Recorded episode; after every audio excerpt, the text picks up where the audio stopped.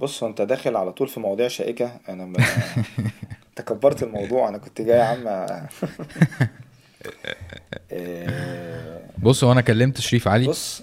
ماشي قبل ما آه. قبل اللقاء. قلت له بص أنا إيه هعمل لقاء مع آه، دكتور أحمد عبد المنعم. قول لي بقى على الايه على الزراير. يعني قول لي دوس على إيه. آه. فهو قال لي قال لي كام حاجة منك طبعا اسمح لي أتصل بشريف عشان أنا السلام عليكم ورحمة الله وبركاته. إخواني وأخواتي brothers and sisters عاملين إيه؟ إيه الأخبار؟ It's been a while. آه بقالنا فترة بقالنا حبة مأجزين مريحين. آه الموسم التالت آه هيبتدي دلوقتي إن شاء الله. دي أول حلقة في الموسم التالت.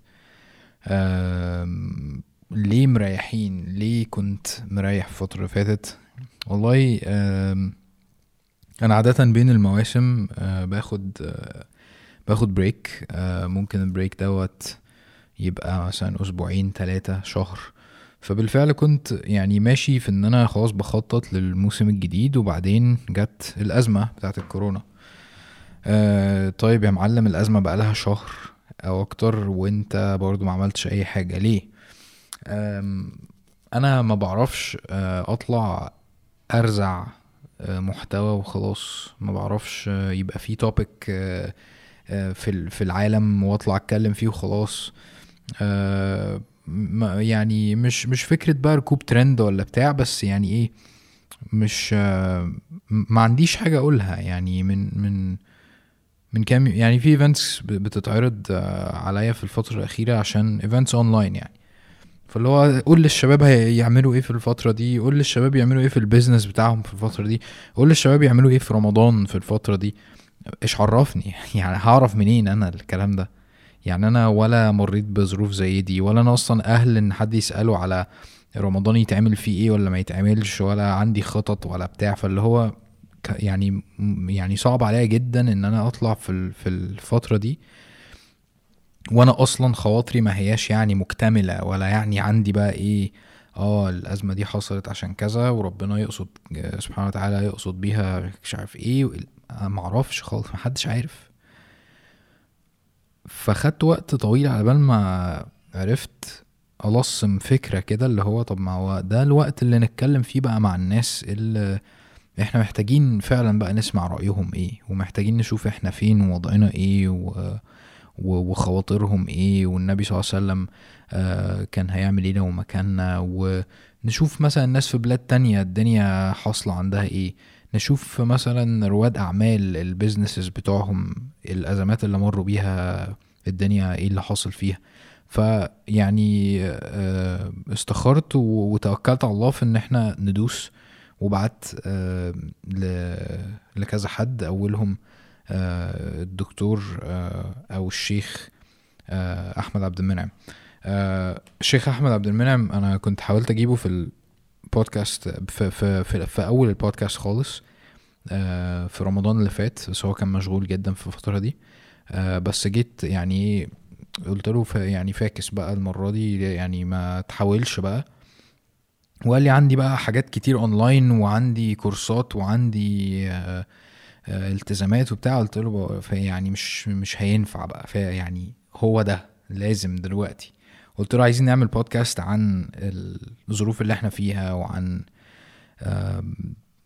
يعني نعمل إيه والنبي صلى الله عليه وسلم اللي حصل ساعتها المشابه لدلوقتي عمل فيه إيه ونعمل إيه دلوقتي وعايزين نشوف كده يعني شوية إجابات على أسئلة. قال لي أنا أصلا ما عنديش الإجابات دي. فعجبتني جدا يعني عجبني جدا الحالة اللي هو فيها بتاعت اللي هو إيه هو دايما بيفكر هو دايما آه، مستعد إن هو يتأقلم على الوضع هو دايما آه، شايف إن هو ما عندوش الإجابات فده بيدفعه إن هو يبحث أكتر. فحبيت جدا آخد ودي معاه. في كذا نقطة منهم طبعا رمضان. طبعا أنتوا يعني أغلبكم هيبقى بيتفرج على الحلقة دي في أول يوم رمضان إلا لو أنتوا مثلا بره مصر. آه لأنه مثلا في واحد آه صديقي في أستراليا فالمفروض هو رمضان عندهم بدأ خلاص يعني. فلو أنتوا بتتفرجوا على الحلقة دي مفترض يكون أول يوم رمضان. أنا هنا عندي العشاء لسه مأذنة أول عشاء. المفروض آه في تراويح يعني إن شاء الله بعد شوية. آه فأنا أنا متحمس جدا والكلام اللي اتقال في الحلقة حمسني أكتر على رمضان إن شاء الله وعلى اللي ممكن يتعمل فيه وكده. آه فايا كان أنت بتسمع الحلقة دي في أول رمضان في نص رمضان في ايا كان دايما في أمل. ده اللي أنا ده اللي أنا حسيته جدا من كلام من كلام الدكتور أحمد في أواخر الحلقة. عن رمضان والاستعداد ليه في الظروف اللي إحنا فيها دي يعني. آه فيعني ان شاء الله تبقى حلقة قوية جدا. أنا استفدت طبعا كالعادة الحمد لله. زي ما أنتوا عارفين بركز جدا إن أنا استفيد عشان آه يطلع كلام حقيقي و... و... ومفيد ليكوا يعني إن شاء الله. إيه تاني يا حزوم؟ إيه تاني؟ المفروض إن ال website بتاعي عملت له redesign المفروض هو دلوقتي live آه خشوا كده بصوا عليه قولوا لي رأيكم. في شوية حاجات مش شغالة طبعا بس يعني إيه work in progress يعني فقولوا لي كده رأيكم فيه. آه الحاجة الأخيرة أعتقد هي الأخيرة آه إن ال storytelling crash course بتاعي نازل في رمضان عليه discount 50% هتلاقوا ال link في ال description. آه خشوا كده في وقت آه لو عندكم وقت يعني تاخدوه أو تبقوا يعني إيه تسمعوه أو تتفرجوا عليه. آه هيبقى مفيد جدا إن شاء الله. آه طبعا الحلقة دي نازلة في يوم غير اليوم اللي إحنا متعودين عليه اللي هو عادة بتنزل يوم الأحد بس ده أول يوم رمضان فإيه آه خالفنا شوية الحوار. بس إن شاء الله بإذن الله يعني آه ربنا يعيني وأواظب على إن أنا أنزله كل يوم حد الساعة 8 زي ما أنتوا آه متعودين إن شاء الله يعني. برضو الحاجة التانية إن الحلقة متصورة بال webcam يعني هو طبعا كان لقاء أونلاين. ف... ف... فالبرنامج اللي أنا صورت عليه بيمنتج تلقائي. فأنا يعني قلت مفيش مشكلة إن أنا أجي على ال quality في الحلقة دي علشان آه يعني أطلع الحلقة بسرعة لأن هي لسه متصورة امبارح. فعشان تنزل على طول لسه ما اقعدش منتج بقى واخد وقت كبير وتتأخر وكده. فمعلش ال quality هتبقى يعني مش أحسن حاجة المرة دي بس طبعا ال audio هو الحمد لله كويس جدا. وبفكركم دايما إنه البودكاست ده مسموع يعني آه لو عايزين تدخلوا على SoundCloud هتلاقوه لو عايزين تدخلوا على Google Podcast هتلاقوه على Apple Podcast هتلاقوه. أي مكان بتسمعوا فيه بودكاست لو كتبتوا هاز كاست هتلاقوا الحلقة طلعت إن شاء الله. بس كده. يلا نبتدي الحلقة. يعني هقول لك برضو هقول لك برضو بصراحة يعني ال ال الجروب اللي أنا فيه اللي هم الايه الناس بت, يعني بتصنفنا إن إحنا الدعاة الجدد بقى والكلام العجيب ده. آه أنا أنا مش بشوف نفسي كده بس طبعا الناس شايفة كده. بس أحيانا كتير بي بيجي الشك بتاع إن هو أنا أصلا فكسان أنا أصلا يعني الناس الحقيقية مش مش هتعترف بيا فاهم؟ الناس الحقيقية اللي هو مثلا حد زي حضرتك حد زي مثلا آه مثلا إياد قنيبي يعني عارف الناس اللي هي الإيه؟ الناس ال hardcore ديت عارف؟ ف... فلما أنت قابلت إن أنت تيجي البودكاست ده بيدي مصداقية كبيرة لل للي أنا بعمله وبيحسسني إن أنا مش آه مش مش بعمل أي كلام. يعني أنت أكيد مش هتضيع وقتك خصوصا أنت عندك حاجات أهم يعني. بالعكس والله هي يعني دي برضو كانت أحد ضمن التصورات عن التدين إن الدين واسع جدا. فبالتالي لما كل واحد فينا بيقف في منطقة ما ينفعش يحتقر المنطقة التانية. لأن لو إحنا فكرنا كده هيبقى كل واحد الشيخ اللي فوقي شايفني ما بعملش حاجة واللي فوق فوقه شايفه ما بيعملش حاجة و... و... في في العمل الإداري شايف إن المشايخ ما عندهاش تصور عن الواقع. الشيخ شايف إن بتوع العمل السياسي ما بيفهموش حاجة في الشريعة. التناطح ده هو أصلا عكس هو إحنا بنسلم لبعضنا. واصل بعض. فلما واحد بيقع بيحصل الجاب دي ما بتخليش الناس أصلا توصل لبعض.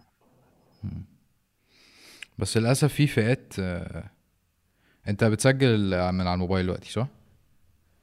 أنت بدأت أصلا ولا إيه؟ ما أنا مش عارف. أنت كده بدأت. لا أنا أنا بدأت. آه... إحنا كده جوه خلاص جوه البودكاست. خلاص ولا لسه بره إحنا جوه البودكاست. لا أنت ضحكت عليا على فكرة. أنا ما ما بس يلا. ما أنا بحب أعمل الحركة دي. بس أنا هردها لك و... آه ال- ال- المشكلة إنه الواحد للأسف اتعود إنه آه يعني انت بتقول ان الشيخي هيقول لي ان انت ما مش نافع و... وأنا هقول لده مش نافع وبتاع للأسف هو ده اللي حاصل. يعني إحنا ال- ال- المجتمع ال- المجتمع المسلم يعني مش كله بياخد بإيد بعضه زي ما إحنا نحب.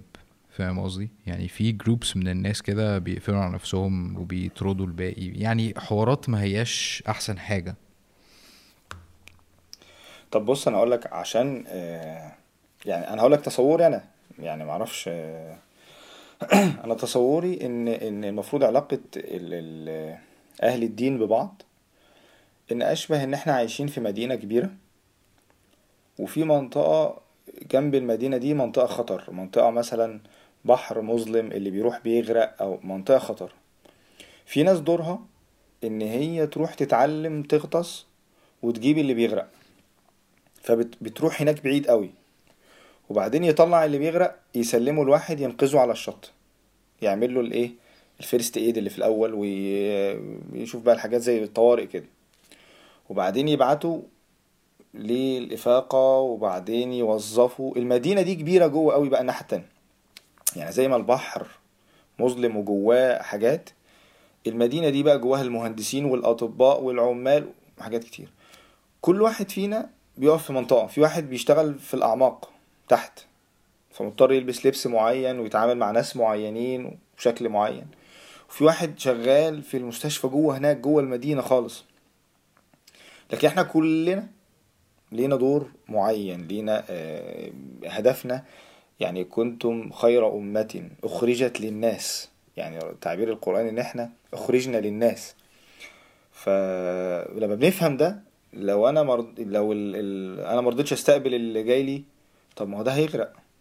فاحنا بنباصي لبعض. يعني دي الفكرة. فأنا آه، عارف زي بالظبط لو أي فئة من الفئات قررت تعمل إضراب. ما هي بتصب في بعضها. فلو المهندسين ما اشتغلوش طب لو الدكاترة ما اشتغلوش حتى آه، حتى سواق التاكسي لو ما اشتغلش هتبقى مشكلة.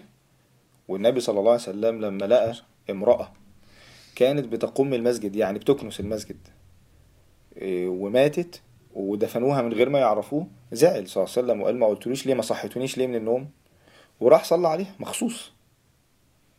فهي إحنا بنحتاج بس نعيد تصوراتنا يعني عن ماهية الثغور طبيعة الدين. طالما عشان برضو يعني إيه نراعي ال- الرأي الآخر اللي هو أحيانا بيبقى له وجهة بس مش عارف يطبقها كويس. يقول لك لا أصل أنت أفسدت في الدين.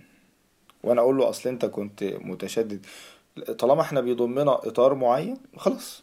إحنا أصلا كلنا بنخدم نفس الهدف.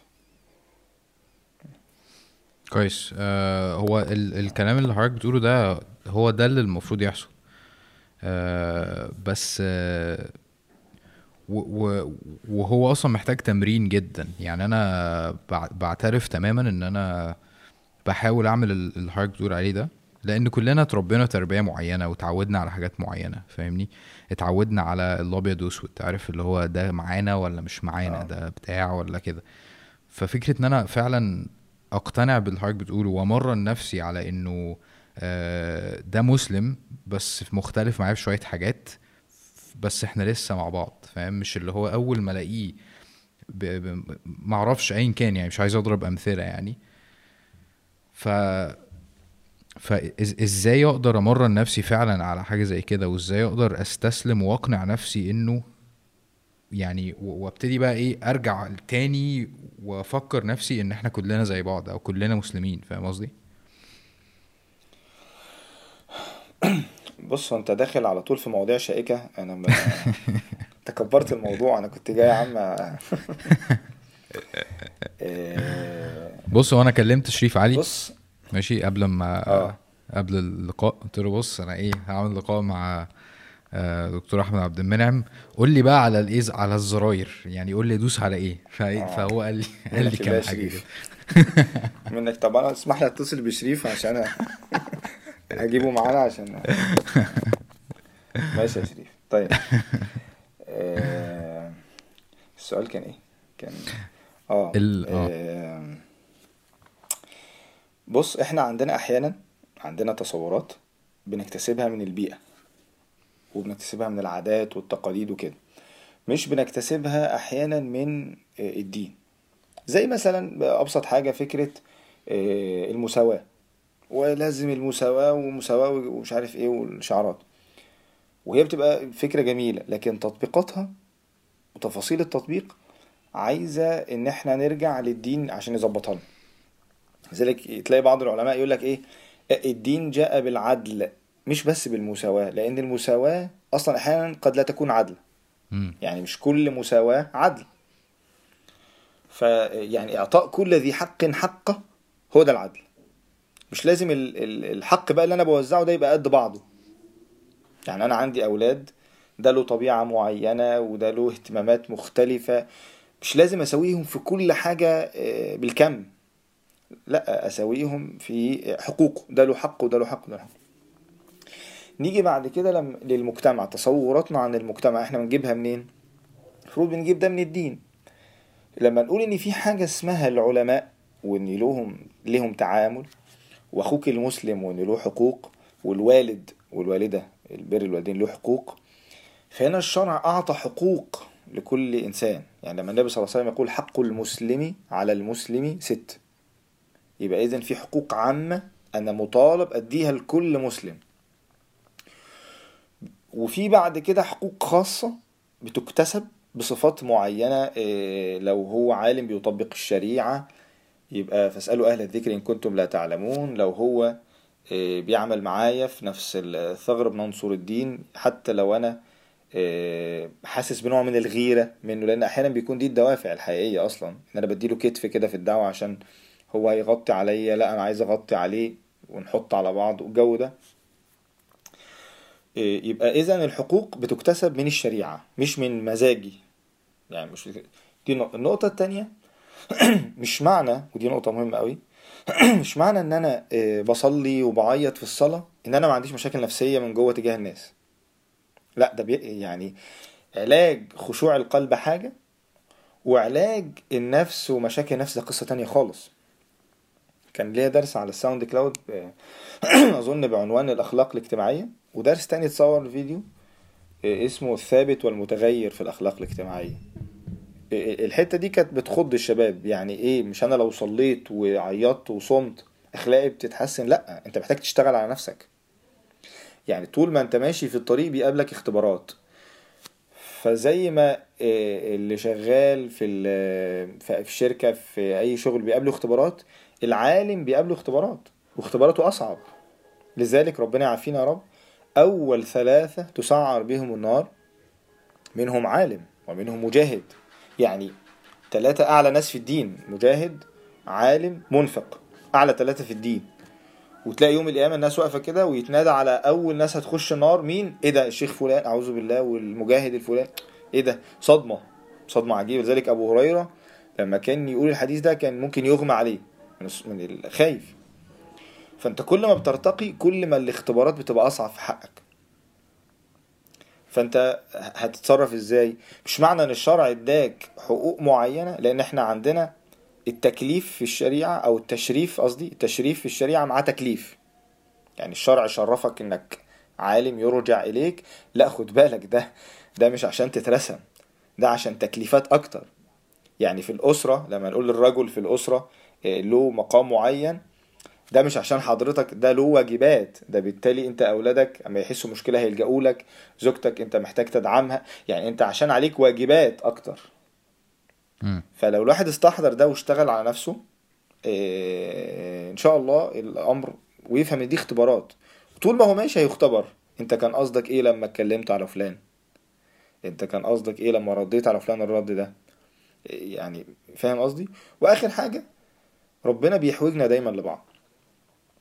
يعني مهما إنسان ادعى إنه مش محتاج حد وإن هو السوبرمان وده مش موجود أصلا الدنيا بصراحة بتقلب الناس وده إحنا شفناه.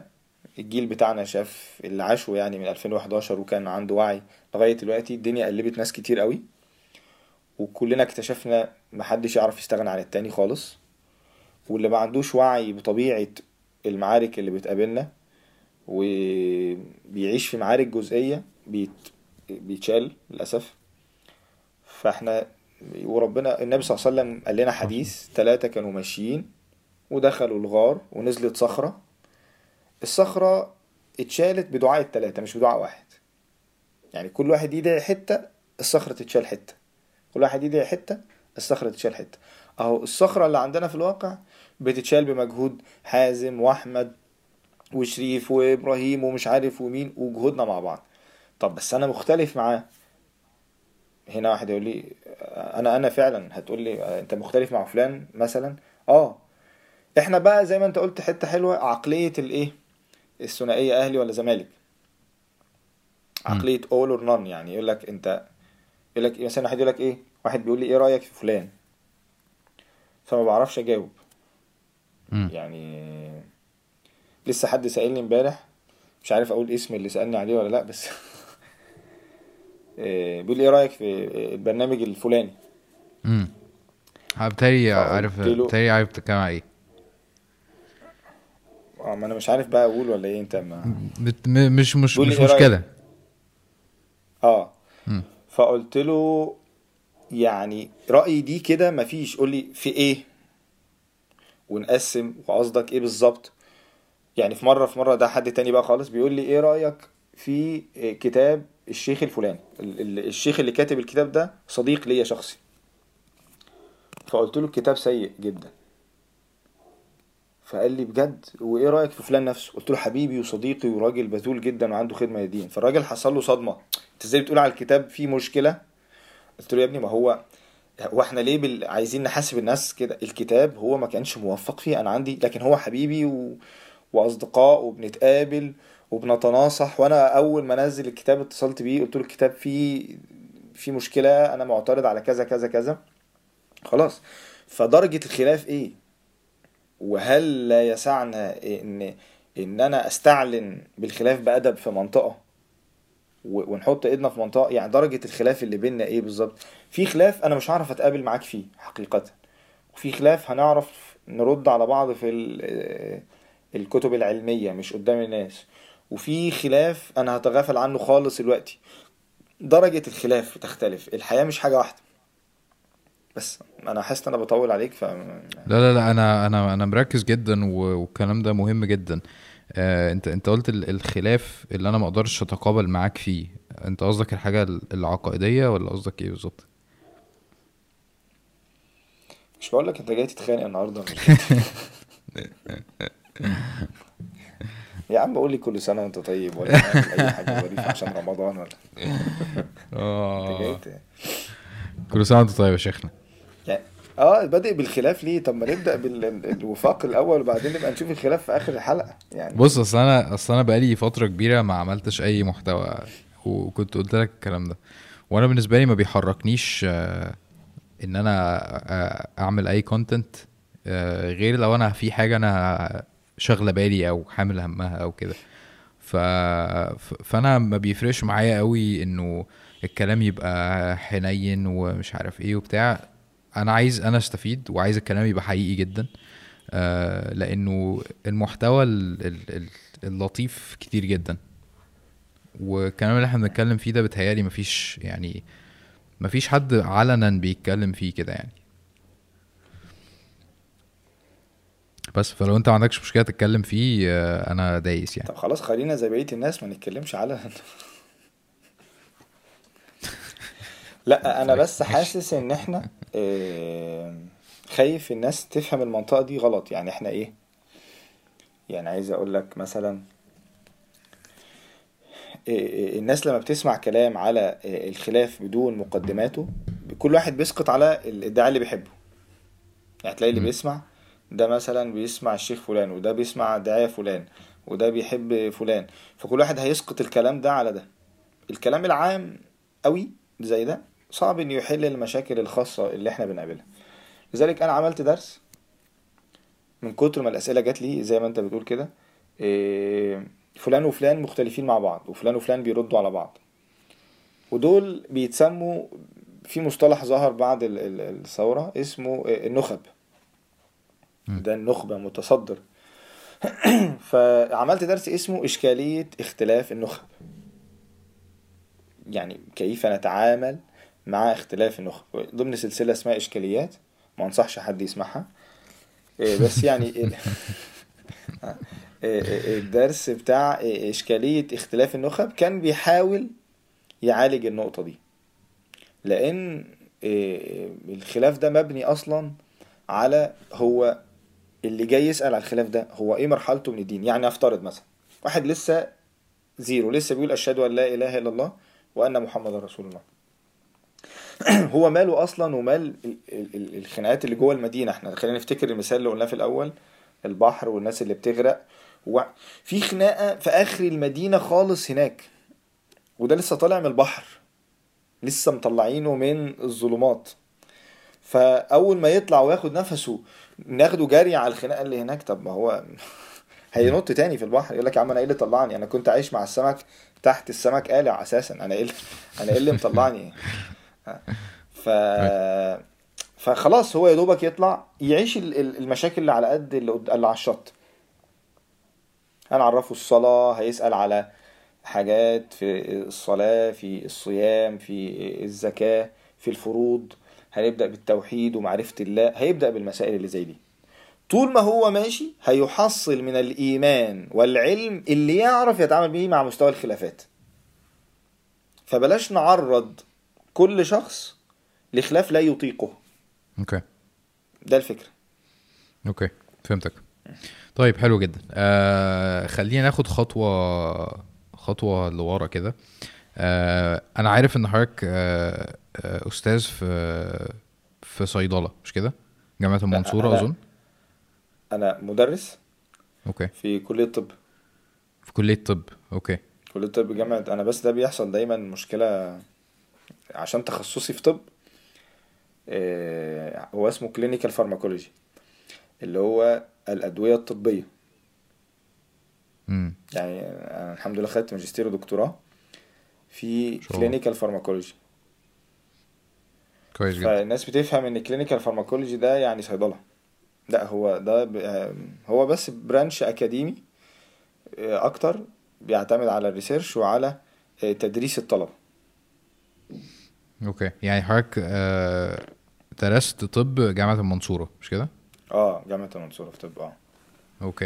إيه إيه اللي خلاك أصلا تدخل طب؟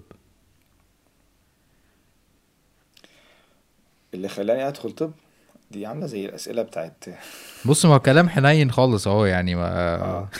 لا أنا دخلت طب وخلاص أنا ما جبت مجموع ودخلت طب ما يعني موضوع الشغف بالطب ما كانش قوي. أنا بحب الطب بس كانش عندي الشغف يعني. إحنا برضو أنا أنا يعني الجيل اللي هو ما كانش لسه عنده الوعي الكامل دلوقتي إنه يحط الكاريرز كلهم قدامه ويختار و... ما كانش عندنا ده. يعني النت ما كانش بيدخل عندنا يعني. أنا مواليد 82 مم. فجبت مجموع وكويس وبحب يعني تدخل طب دخلت طب. بسم الله قمت داخل. ما لا هو انت. هتلاقي ان اغلب الإجابات بتدور حوالين نفس ال كده يعني. ماشي. آه. طيب آه آه. ال ال ال الطريق اللي حضرتك اخترته بتاع ان انت لأنه دي دي معضلة بالنسبة لناس كتير جدا خصوصا اللي في طب يعني هو ال- ال- المشكلة إن طب وهندسة والكليات دي بتهيئك لحاجات أكبر بكتير من اللي موجود في السوق فبتلاقي إن أنت عندك وقت وطاقة أكبر بكتير من اللي أنت يعني عندك أكتر فأعتقد دي من من المحركات اللي يمكن خلت حضرتك آه، تنطلق في. و... وتطلب العلم مش كده؟ هو بصراحة يعني آه، أنا لغاية تالتة طب كنت عادي آه، جدا. أو خلينا على الشمال جدا مش على اليمين. كنت على الشمال. كنت يعني كنت في البحر بقى. يعني كنت في الأعماق تحت. وبعدين حصل صدمة ما في في في السنة دي. خلت الواحد يبدأ يعيد تفكير في الحياة كلها. يعني أسئلة بقى إحنا جينا ليه؟ إحنا ممكن نموت؟ فجأة. مع اللي أنت بتدرسه في طب والعظمة اللي بتقابلها في جسم الإنسان والدقة. فخلت الواحد على آخر تالتة أو بداية رابعة كلية آه، يبدأ يفكر. الحمد لله كنت من الأوائل في الثلاث سنين. بس كنت ضايع برضو يعني ضايع خالص يعني.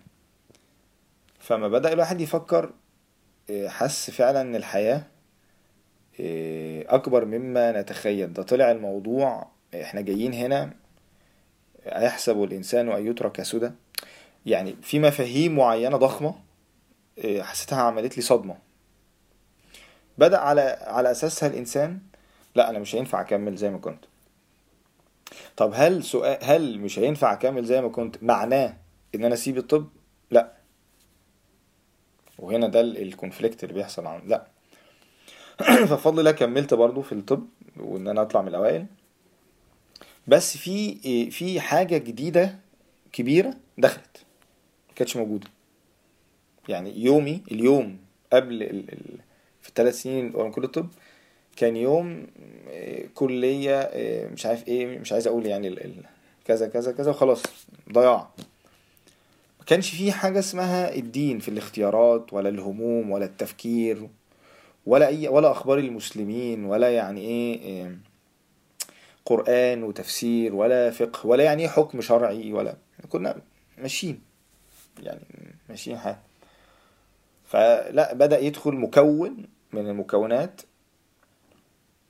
وهو ده اللي أنا بسميه المصطلح اللي ممكن بعض الناس ما بتحبوش بس هو ده ده معنى مصطلح يعني فلان التزم أو فلان اتغير أو فلان تدين إن في مكون كان غايب بقى أصبح هو مكون رئيسي. مش مش مش مكون يعني مش مش أضاف مثلا كان الصلاة على سطر وسطرين خلاها سطر وسطر لأ. في مكون جوه خلاه يتعامل مع الحياة بصورة مختلفة. تماما ويعيد تفكيره في الحياة. فضل ده حصل. فخلاص ده مش معناه إن أنا هسيب الطب. فضل كملت فضل وتعينت الحمد لله في الجامعة. وده بقى خلى فيه مسار جديد يدخل. المسار الجديد ده عكس ما الناس ما بتتخيله. طول ما أنت ماشي فيه أنت بتنبهر بتستمتع. يعني في سلسلة إن شاء الله تنزل قريب آه، سجلتها لسه من يومين. تنزل في رمضان مع برنامج اسمه مونست. في يعني شباب في السعودية قايمين عليه يعني. اسمه رحلة التغيير. أنا كنت بستحضر نفسي من من البحر اللي يعني إن صح التعبير الانطلاق يعني. ففيها فكرة الاستمتاع برحلة التغيير. يعني يعني خليها استمتاع وخلاص كفاية. كويس. طيب ال ال الرحلة دي أو في في من بعد ثالثه آه، حضرتك كنت ماشي في طريق التدين بس ولا كنت بدأت تذاكر وتدرس وتلاقي شغف لل للتفسير مثلا والحاجات دي؟ ما هو بص زي ما قلت لك هو الفكرة كلها إن إن إحنا أحيانا فهمنا للتدين غلط أو التعامل معاه بصورة آه، يعني بصورة ناقصة شوية على إنها شوية أحكام بنطبقها بيخلينا ما نعرفش نقبل على الدين. يعني مثلا النبي صلى الله عليه وسلم بيقول في آخر الزمان خالص هتيجي فتنة عظيمة جدا اسمها الدجال. ماشي؟ ربنا بيختبر عباده سبحانه وتعالى بمخلوق ده اسمه الدجال. الدجال ده من اسمه هو نصاب دجال يعني بيعرف يقلب الحقائق. معايا فالدجال هيجي معاه جنة كبيرة جدا ومعاه نار نار ضخمة. أو أو في رواية إن هو زي ماء في نار يعني. فالنبي صلى الله عليه وسلم بيقول جنته نار وناره جنة عكس الظاهر. هو ده الدجال. فالنبي قال لنا صلى الله عليه وسلم اللي يدرك الدجال يرمي نفسه في النار بتاعته. لما يرمي نفسه في النار هيلاقيها جوه إيه؟ مية أو جنة. جنة. هيلاقيها جوه جنة خلاص؟ هي بره ظاهرها إيه؟ نار. فتخيل معايا شاب وسيم وظريف وأمور وكده ووسط الناس والدجال وقام جاي إيه؟ جري جري جري واقتحم النار. الناس بره بتقول إيه؟ يا حرام رمى نفسه في النار وقعد وهو جوه عايش في الجنة. هو ده بنسبة كبيرة اللي الواحد اللهم الحمد نوعا ما شافه في ناس وبدأ نوعا ما يحسه لما خد قرارات في الدين وكان عنده شغف إنه مش يقعد ورا الباب في الدين لا يدخل جوه آه، اكتشف لا ده الدين ممتع. وفي ناس بقى الشلل القديمة أو كده أنت إيه ده؟ ما عدتش بتيجي معانا كذا أو ما عدتش بتعمل كذا. وانت مش قادر تشرح مدى ال ال عارف لذة لما واحد لأول مرة يختم ال- القرآن وياخد حاجة اسمها الإجازة ويتقال له أنت الآن قرأت القرآن عن فلان عن فلان عن فلان عن النبي صلى الله عليه وسلم عن رب العزة. إيه إيه. لأول مرة يجيب يجمع فلوس وينزل لأسرة فقيرة ويديها وهو نازل يصلي الفجر و- ويقول الأذكار كانت متعة. كل شوية تظهر متعة جديدة في الدين. فأنا اكتشفت لما طلعت من البحر إن في مدينة أنا كنت معرفش عنها حاجة. مدينة بقى بتفاصيلها بتفاصيل. فاللي بيفقد الشغف ده أنا شايف إن هو بيفقد أكبر متعة في الدين. اللي هيتعامل مع الدين على إنه جاست يعني شوية تكاليف هو بيخسر. لذلك أمنا عائشة رضي الله عنها بتقول إيه؟ إن أول حاجة نزلت مش الأحكام. ولو كانت الأحكام أول حاجة نزلت لو لو كانت أول ما نزل لا تشربوا الخمر لقالوا نشرب. الصحابة خد بالك.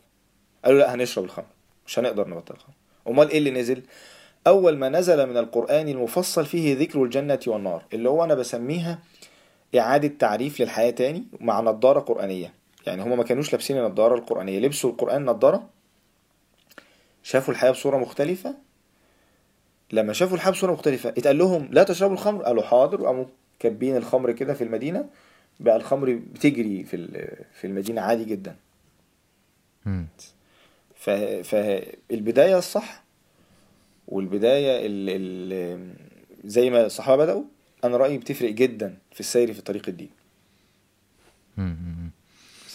آه يعني ال- البداية دي يعني أنا واحد دلوقتي عايز أقبل على عايز أتدين. يعني ربنا سبحانه وتعالى هداني أو سامع الكلام اللي حضرتك بتقوله دوت و...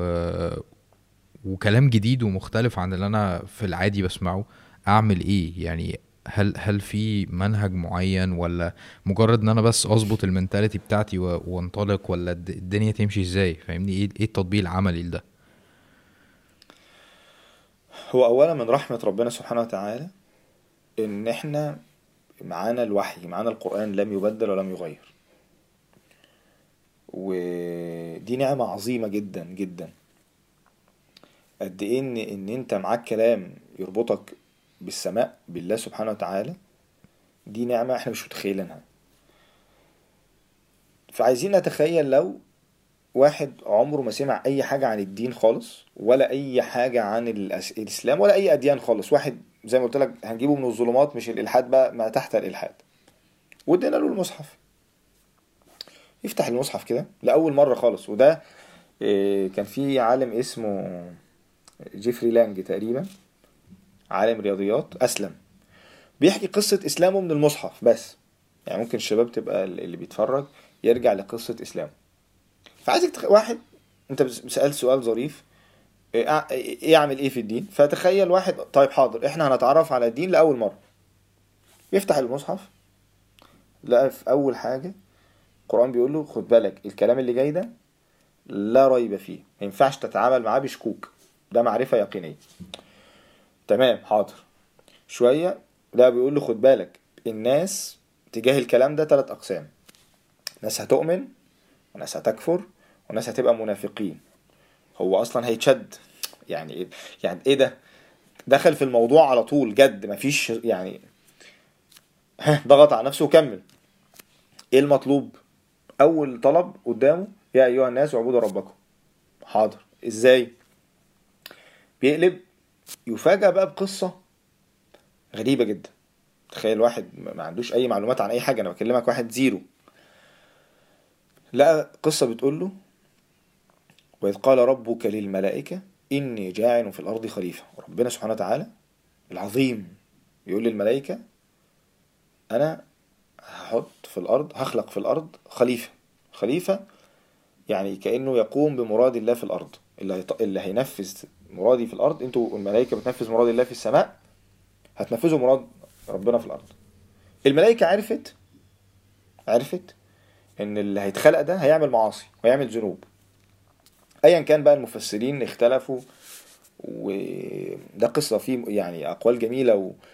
المهم عرفت سواء ربنا اللي عرفها أو هي عرفت بما إن الإنسان ده عنده إرادة وعنده اختيار فلو أنا عندي اختيار وأنت عندك اختيار طب كلام مين اللي هيمشي؟ طب أنت زعلتني فأنا هضربك فهتموتني ف... هيحصل. فقالوا يا رب ده بيعصي وبيسفك الدماء.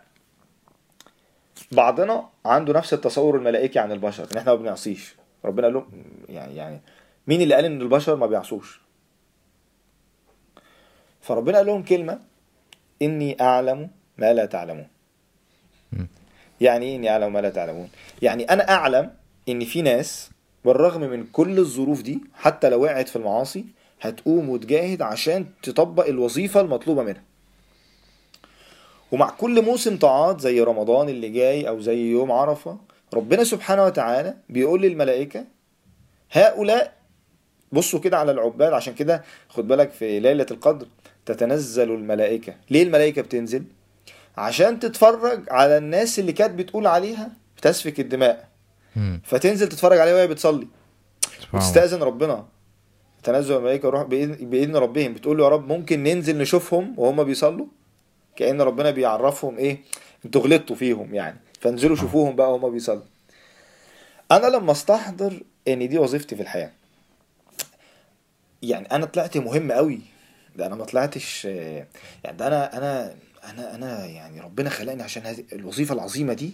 أنا خليفة. مم. فلما باخد ال... ال... لما الانسان بيتلقى الدين صح بيكتشف إن هو ما خلقنا السماوات والأرض وما بينهما لاعبين. الدنيا مش لعبة ده الموضوع خطير. فلما بتعامل ده أنا ساعتها تصوراتي عن الدين بتختلف. خلاص؟ يبقى أنا بقوم بمراد الله في الأرض هسأل هبحث. طب أنا غلطت. ربنا بيغفر. طب أنا اجتهدت عشان أطبق الدين وفهمت حاجة بعد ما استنفذت كل طاقتي في الفهم وسألت أهل العلم فهمت حاجة غلط وطبقتها غلط. لو أنت صادق أنت قد تؤجر. ده أنا. عملتها غلط. بس أنت مشيت في الطريق زي ربنا بيحسبنا على الطريق مش على النتائج ودي من رحمة ربنا. عشان كده رب النبي صلى الله عليه وسلم بيقول. ممكن داعية نبي مش داعية بقى نبي يجي يوم القيامة معهوش حد. فاحنا مش بنتحاسب بالنتائج. فلو واحد قاعد يدور على الدين الحق وكان صادق ومات قبل ما يوصل ربنا سبحانه وتعالى ممكن يعفو عنه. فأحيانا بتبقى المشكلة مش في المنهج خد بالك. لأن المشكلة في صدق الإنسان في الوصول لرضا ربنا. مم. والنقطة دي خطيرة جدا هتحل لنا مشكلة. في مساله الاختلافات طب ده اداني فكرة وده اداني منهج. انت يخليك صادق وخليك نفسك توصل لربنا. وأقول لك حاجة اقرأ قرآن كتير. عشان عشان طبعا وقت ال- البودكاست وكده. اقرأ قرآن كتير صدقني هيفرق معاك تماما. سيب سيب سيب نفسك مع القرآن. بلاش تدخل القرآن وانت عندك resistance يعني بلاش إيه طول ما انت لا قصدي سيب نفسك. خلي رمضان ده مختلف شوية. إيه رأيك؟ سيب نفسك مع القرآن. أنا عايزك الشباب لو يسمعوا قصة إسلام جيفري لانج بق- بقمة البساطة الراجل بيقلب هما برضه بحس إن في عقليات نظيفة شوية يعني. يعني في الآخر هو هيوصل يا أنا هبقى مسلم يا ابقى أنا كافر واخد قرار. أيوه أنا كفرت يعني مش هيقعد إيه يحور من الآخر يعني. في طبيعة كده عندنا بتقعد تحور. لأ الكلام واضح. طيب آه، انت قلت سيب نفسك آه، أنا عايز افهم ده معناه إيه معلش. سيب نفسك مع القرآن. يعني لو مثلا إيه، يعني أقول لك على حاجة. أي سؤال من الأسئلة الشائكة قوي أو يعني اللي هي بتجيب مشاكل سواء مشاكل في النساء أفكار ال ال ال- feminism الليبرالية العلمانية مشاكل قضايا سياسية أي مشكلة. خلي أي حد يطرحها ويخليه يعمل focus على سؤال مهم وأقول له تعالى أنا وأنت هنقرأ القرآن. ونشوف القرآن بيعالج بيعالج القضية دي إزاي. أنا أدعي إنه هو لو يعني شوية أدوات معينة في القرآن وفهم القضايا اللغة والرجوع للتفاسير هيفهم بس هو بعد ما هيفهم يقول لك لا أنا مش هقدر. مش هقدر بصراحة. الكلام ده من الآخر معناه آه، كذا كذا كذا. هو القرآن هي هيواجهه. يعني ده اللي حصل مع العرب. معلش هو الكلام انت قلت لي خد راحتك.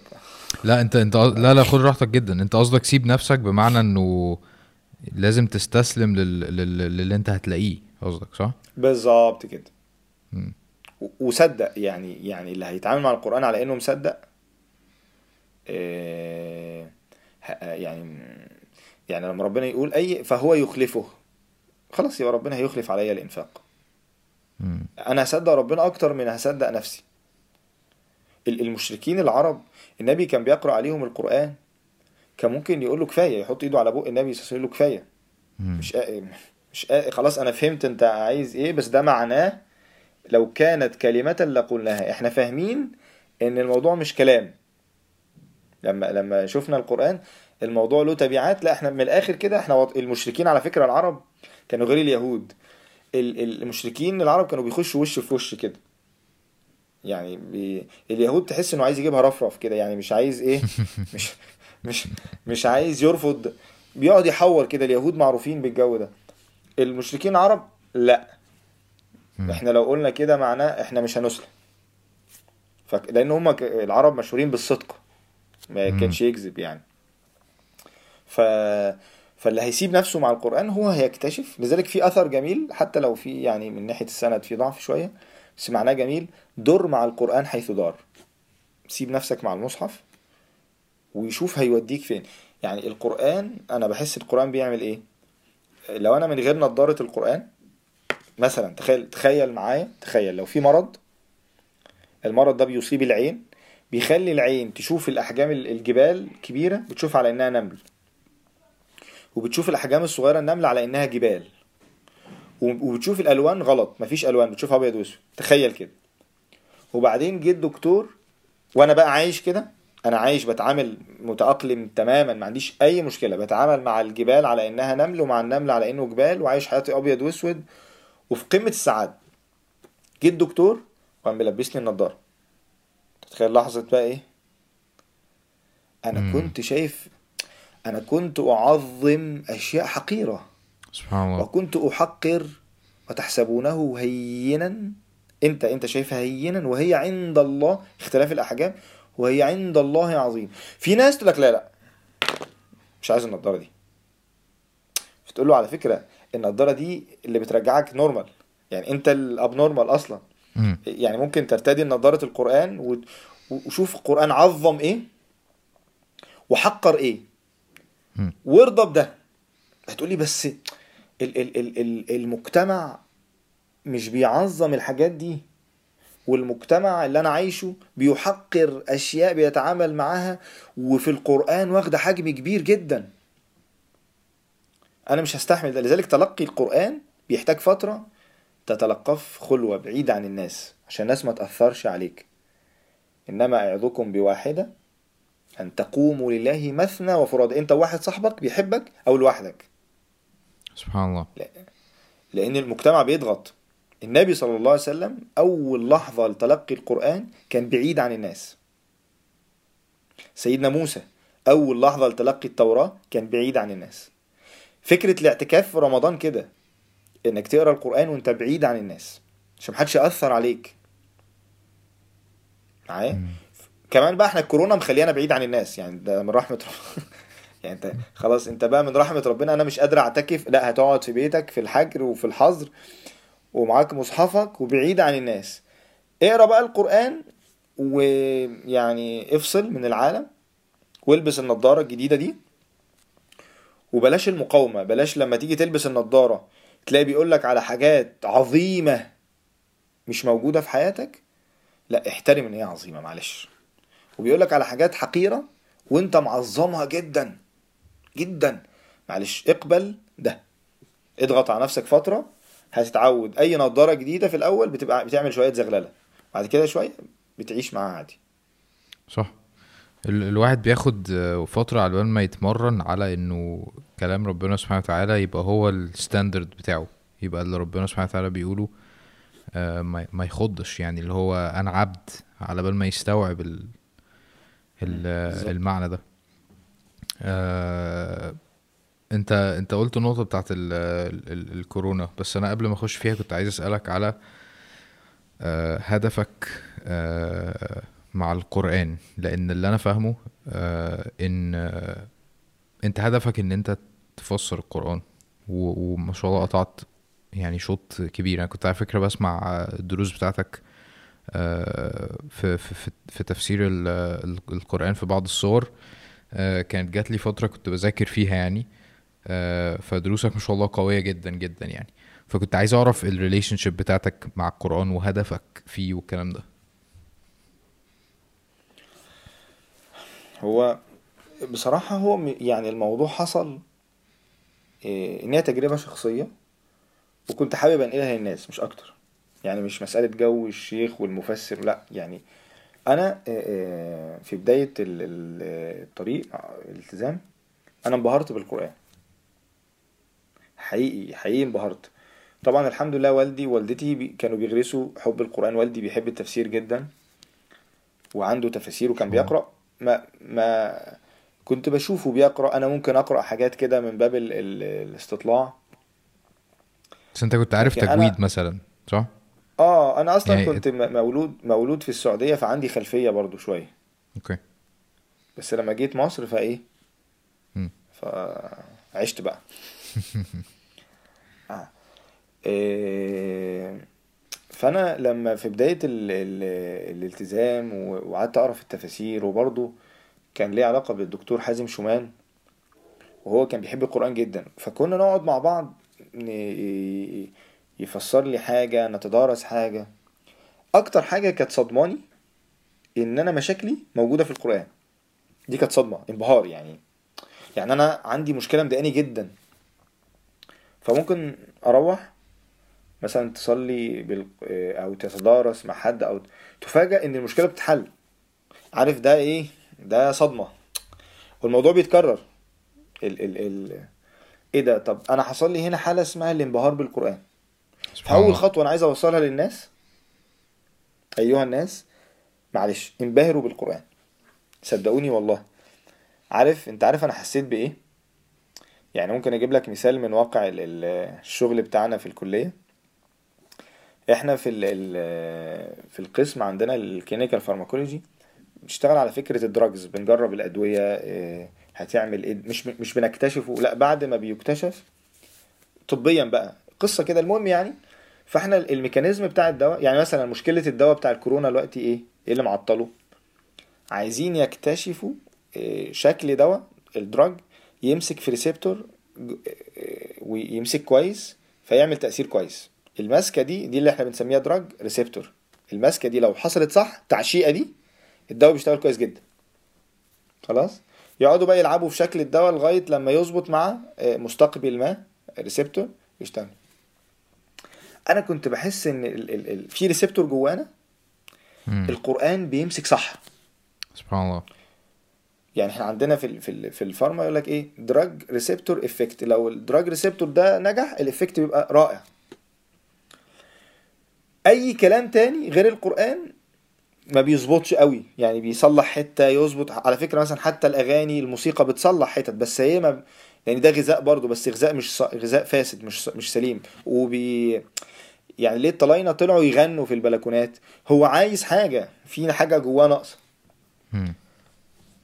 ربنا بقى بيقول لنا ألا يعلم من خلق اللي خلقك منزل لك كلام هيشبك وهي هيزب... هيريحك تماما فده اللي أنا حسيته. القرآن بيعمل حاجة عجيبة بي... بيص... بيصلحك من جوه قوي. فأنا أول حاجة عايز أوصلها للناس يعني لو أنت قلت لي هدفك إيه في دروسك أقول لك حاجتين. ملخص بفضل الله كل الدروس حاجتين. الانبهار بالقرآن. تاني حاجة إنه يبدأ يعيش بقى هو تجربتك الشخصية مع القرآن. هيبدأ هو لما يقرأ سورة كذا ويحب سورة كذا ويعيش مع سورة كذا هيفاجأ إن حياته فعلا اتغيرت. واللي هيدوق ده مش هيعرف يسيبه. فأنا هدفي تشويق اللي هو الإبهار وتدويق. يعني أنا ده هدفي بس في ال... أول ما أنجح أنا همشي. يعني أنا هسحب نفسي عشان أنا ما بقاش أنا الايه الحاجز بينه وبين المصحف. يعني أنا عايز أبقى جسر. مم. أول ما أشيل نفسي وهو ينجح في مسكة المصحف خلاص دورنا انتهى كده. وده أنا شايف إن ده دور الداعية أصلا. ربنا بيقول كونوا ربانيين بما كنتم تعلمون الكتاب وما كنتم تدرسون. يعني الشخص الرباني اللي يربط الناس بالقرآن. النبي صلى الله عليه وسلم آخر حاجة النبي صلى الله عليه وسلم بيقول من فقه الرجل الرجل الفقيه أي لما يجي يخطب جمعة مثلا ربنا يرجع لنا الجمعة يعني. اللهم آمين. الراجل الفقيه يقصر الخطبة يقول خطبة صغيرة ويطيل الصلاة فاللي أنا فاهمه من المعنى ده إنه يعرف يوصل الناس لارتباط بقرآن كتير بكلمات صغيرة يعني كلامنا يبقى قليل كلام ربنا هو اللي يبقى كتير.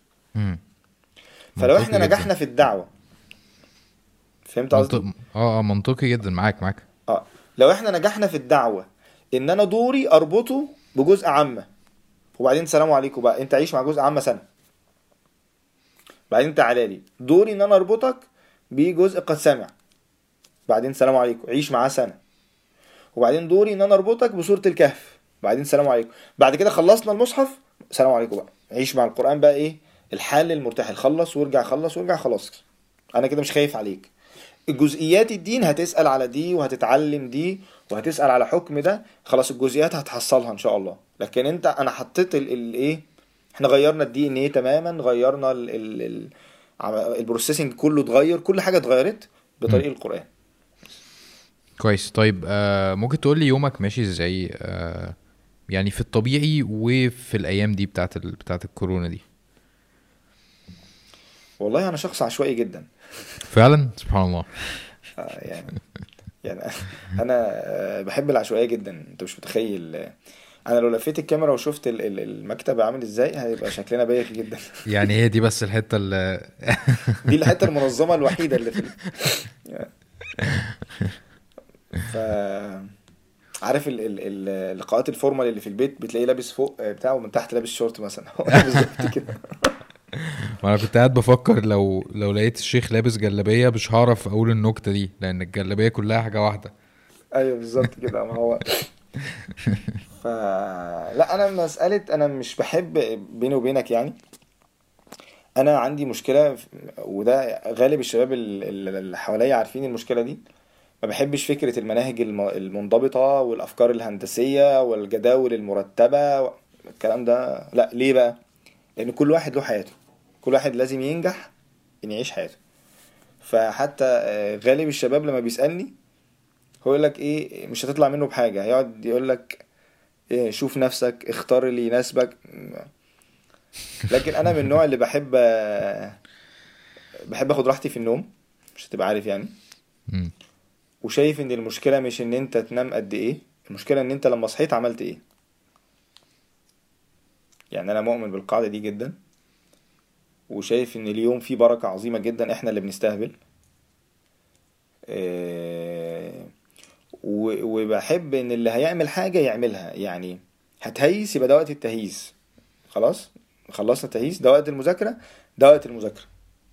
المشكلة إن أنت بتذاكر وقاعد على السوشيال ميديا وبتسمع درس وبتتخانق مع فلان ويعني أنت بتعمل ففي الآخر ما بتعملش حاجة. أنا بحب لو أنا هذاكر كنت مثلا قبل الالتزام قاعدين على القهوة يبقى قاعدين على القهوة. مش بحبش النكد خلاص. روحت البيت هذاكر يبقى أنا هقفل الموبايل وهذاكر ساعتين. الموضوع انتهى ساعتين مذاكرة يبقى ساعتين مذاكرة.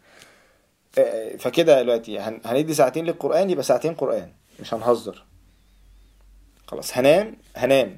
ست سبع ساعات براحتي خالص تمن ساعات هنام يبقى هنام.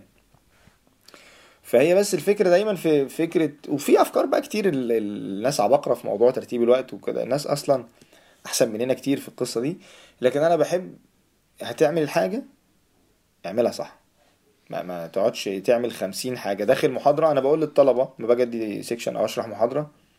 إيه، مش يعني مش مهم الغي... لو أنا في إيدي الغياب اطلعوا مش مش مهم. جيت أنا أكتر حاجة مثلا كانت بتجيب لي مشكلة ب... عندي بتعمل لي error في دماغي فعلا. ببقى رايح محاضرة الساعة 8 الصبح. أنا أصلا كائن ليلي يعني بنام الفجر وبصحى الظهر. فالجدول نزل ان أنا عندي محاضرة 8 الصبح فهضطر أروح 8 فرايح مش شايف قدامي وكاره نفسي. وبعدين بتروح 8 الصبح بتكتشف ان في حياة الناس كلها بتطلع بتصحى 8 الصبح. أنا كنت بحسب أنا الوحيد اللي هصحى 8 الصبح. فرحت المحاضرة وتلاقي الطلبة موجودين في المدرج. وبعدين تلاقي طالب بيتكلم وطالب نايم. ومفيش غياب. أنا هنا بيبقى عندي مشكلة. طب يا ابني أنا لو مكانك اقسم بالله كنت نمت في البيت. يعني أنا م... طب انت جيت انت جيت استفيد. ففي. في ناس بتحب تاخد كل حاجة. والقاعدة الأساسية اسأل أنا عندي أولادي الصغيرين خالص. تقول له القاعدة بتقول إيه؟ يقول لك القاعدة بتقول ما حدش بياخد كل حاجة. مش هتاخد كل. حاجة. نايس أنا فهي شايف شوية أقول. آه اسف كمل. لا اتفضل خلاص. أنا أنا شايف إن ال النقط دي مهمة جدا الحاجات اللي أنت بتقولها دي لأن هي دي اللي بتحسس الناس آه إن إن اللي هما بيسمعوه ده إنسان. فاهمني؟ آه فده بيعمل كذا حاجة. آه اولا آه بيحسسني بالأمل إن أنا ممكن في يوم من الأيام لو اجتهدت آه أقدر أحصل علم مثلا وان الموضوع مش مستحيل. آه ثانيا بيحسسني إنه أو بيسهل عليا إن أنا أسمعك لأن أنت حاسس بيا وإن أنت برضو عندك مشكلة في تنظيم الوقت وإن أنت مكتبك مش منظم زيي وإن أنت مش عارف إيه.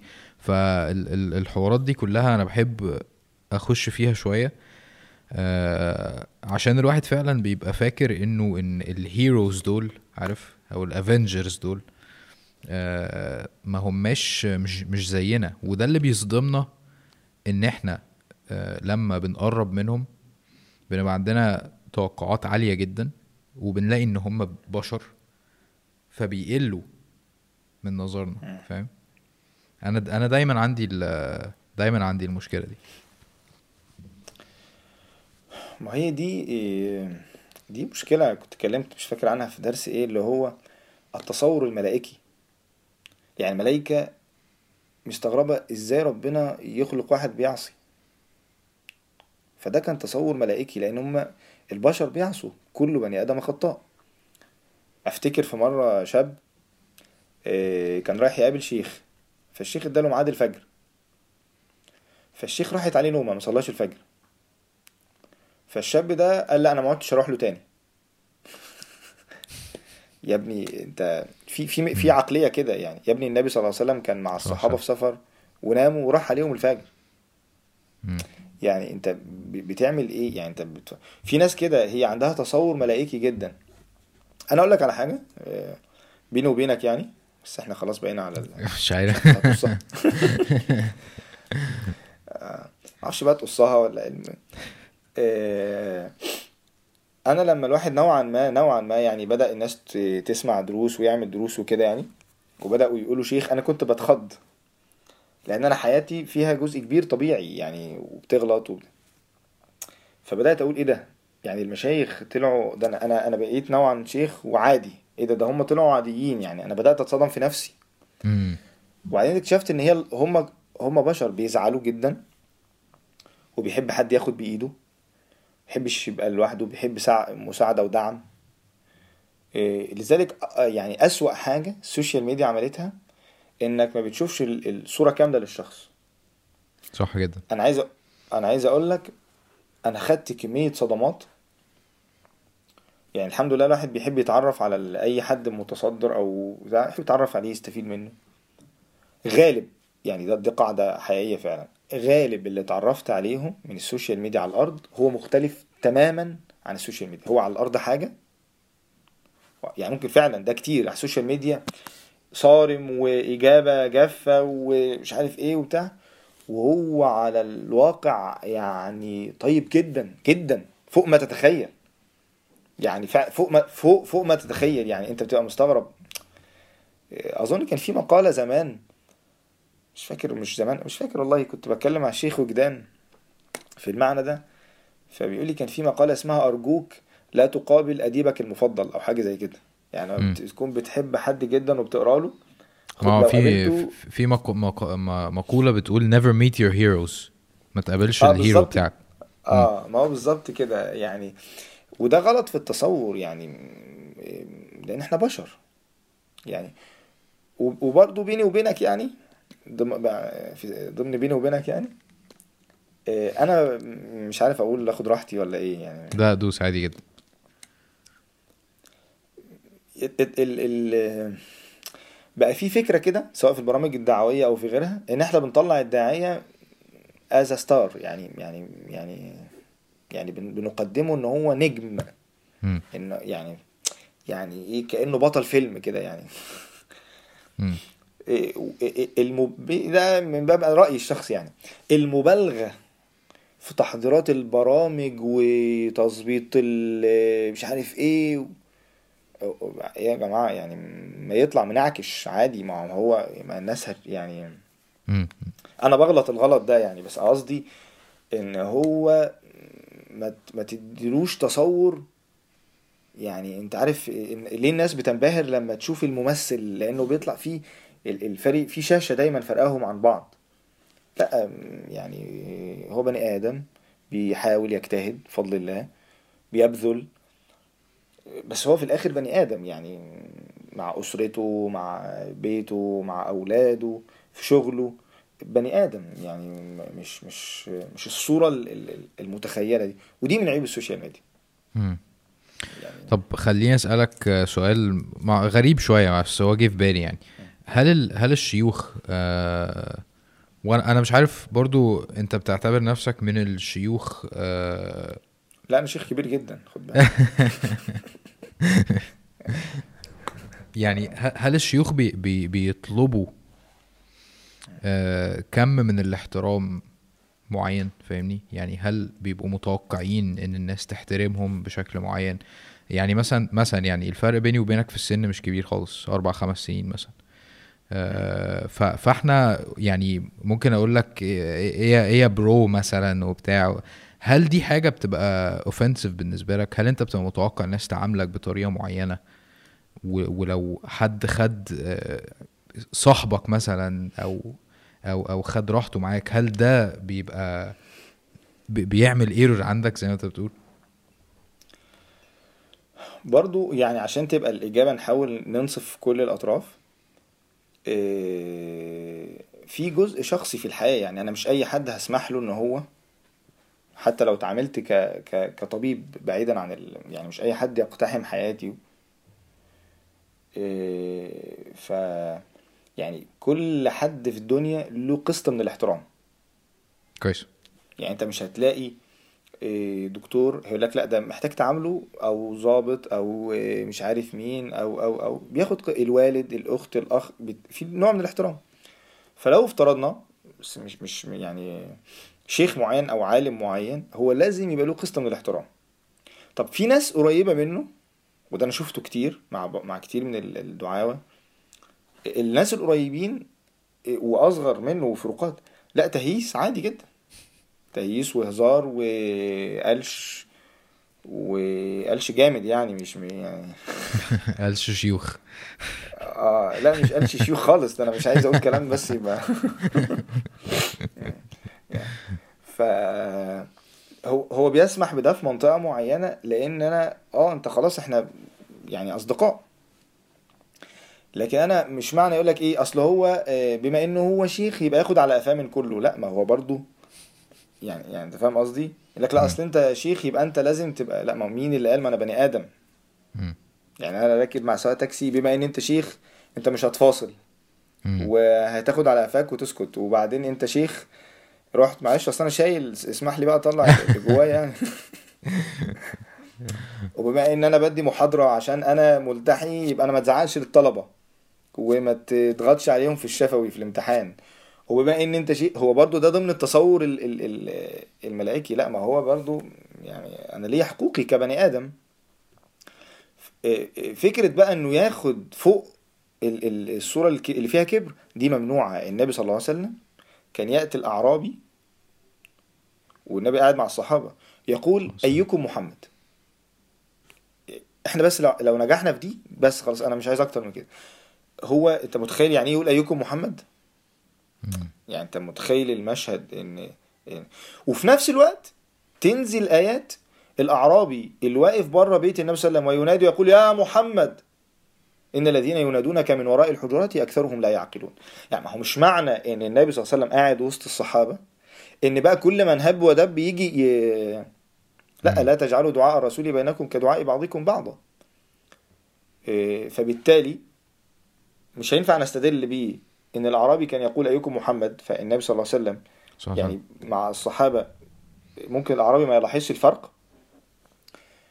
عايزين نوازنها بقى. برضو القرآن قال له لا ما أنت ما يعني ما الدنيا مش مفتوحة كده. فآه إحنا محتاجين ال- الداعية ينزل لدرجة من العلاقة إنه يسمح يعني يعني الشاب راح للنبي صلى الله عليه وسلم. قال له ائذن لي بالزنا. النبي صلى الله عليه وسلم كسر الحواجز لدرجة إن هو ما خافش يقول له ائذن لي بالزنا مم.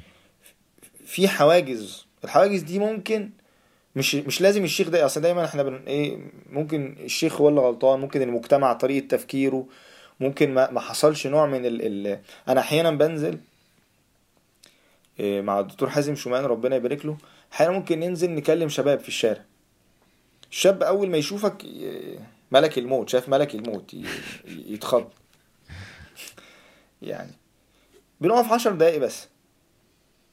تتكلم وتهزر وبتاع. خلاص هو بفضل الله ال- ال- الحواجز اتفكت. ممكن نقعد ساعتين. نتكلم معاهم وتهزر وبتاع. هو هنا لما حصل ال- ال- اللقاء مش على السوشيال ميديا لما حصل اللقاء المباشر الدنيا فكت. فده ما بيسمحش يعني بيسمح له قلة. يعني هقول لك على حاجة من المشايخ اللي شكلهم يخض مثلا واحد وفي, وفي إجاباته في ال في ال في الفتاوى في الفتاوى شيخ مصطفى العدوي إجابات الشيخ مصطفى العدوي على على المستوى الشخصي علاقة إنسانية رائعة جدا. يعني. لو رحت له في أي وقت لازم تقعد تاكل ويطلع يوصلني و... وفي مرة من كتر ما هو بيجري عشان يوصلني طلع حافي. يا شيخ طب خلاص والله يعني ولازم أي حد يروح له يديله هدايا كتير و... يعني لدرجة إن نيتي بتفسد كنت بروح عشان يعني تاخد هدية. هو شريف ف- برضو بيقول لي كل ما يروح له لازم يديله كتاب وبتاع ويعني ما شاء لا الله. شريف بيروح يعبي ما شاء الله. وي... طيب هو هو أصلا الشيخ كويس دلوقتي ولا يعني كان مشكلة حصلت لما عمل ال live video بتاع الخطبة دوت وال... أنا لسه مكلمه امبارح أظن الوضع كويس. الحمد لله. الحمد لله رب العالمين. كويس. أنا آه، بس بأكد عليك ال recording شغال صح؟ آه، بتاع الصوت شغال. أوكي كويس. أه تعبت؟ لا لا مفيش مشكلة إن شاء الله. مية مية. طيب آم، كنت اتكلمت عن يومك كده سريعا واتكلمنا عن الكورونا وبتاع. كنت عايز أعرف دلوقتي أنت أكيد آه، المسجد بالنسبة لك آه، حاجة رئيسية جدا في حياتك. فاتعاملت إزاي مع ال... مع الصدمة بتاعت إن مفيش مساجد دي؟ والله إيه... بص خليني برضو أقول حاجة مهمة. إنه قول. أنا عارف إن إحنا كلنا أصلا ما بقالناش يعني ما مرناش بالظروف دي خالص وما بقالناش أصلا كتير فيها يعني بقالنا مثلا شهر ولا حاجة.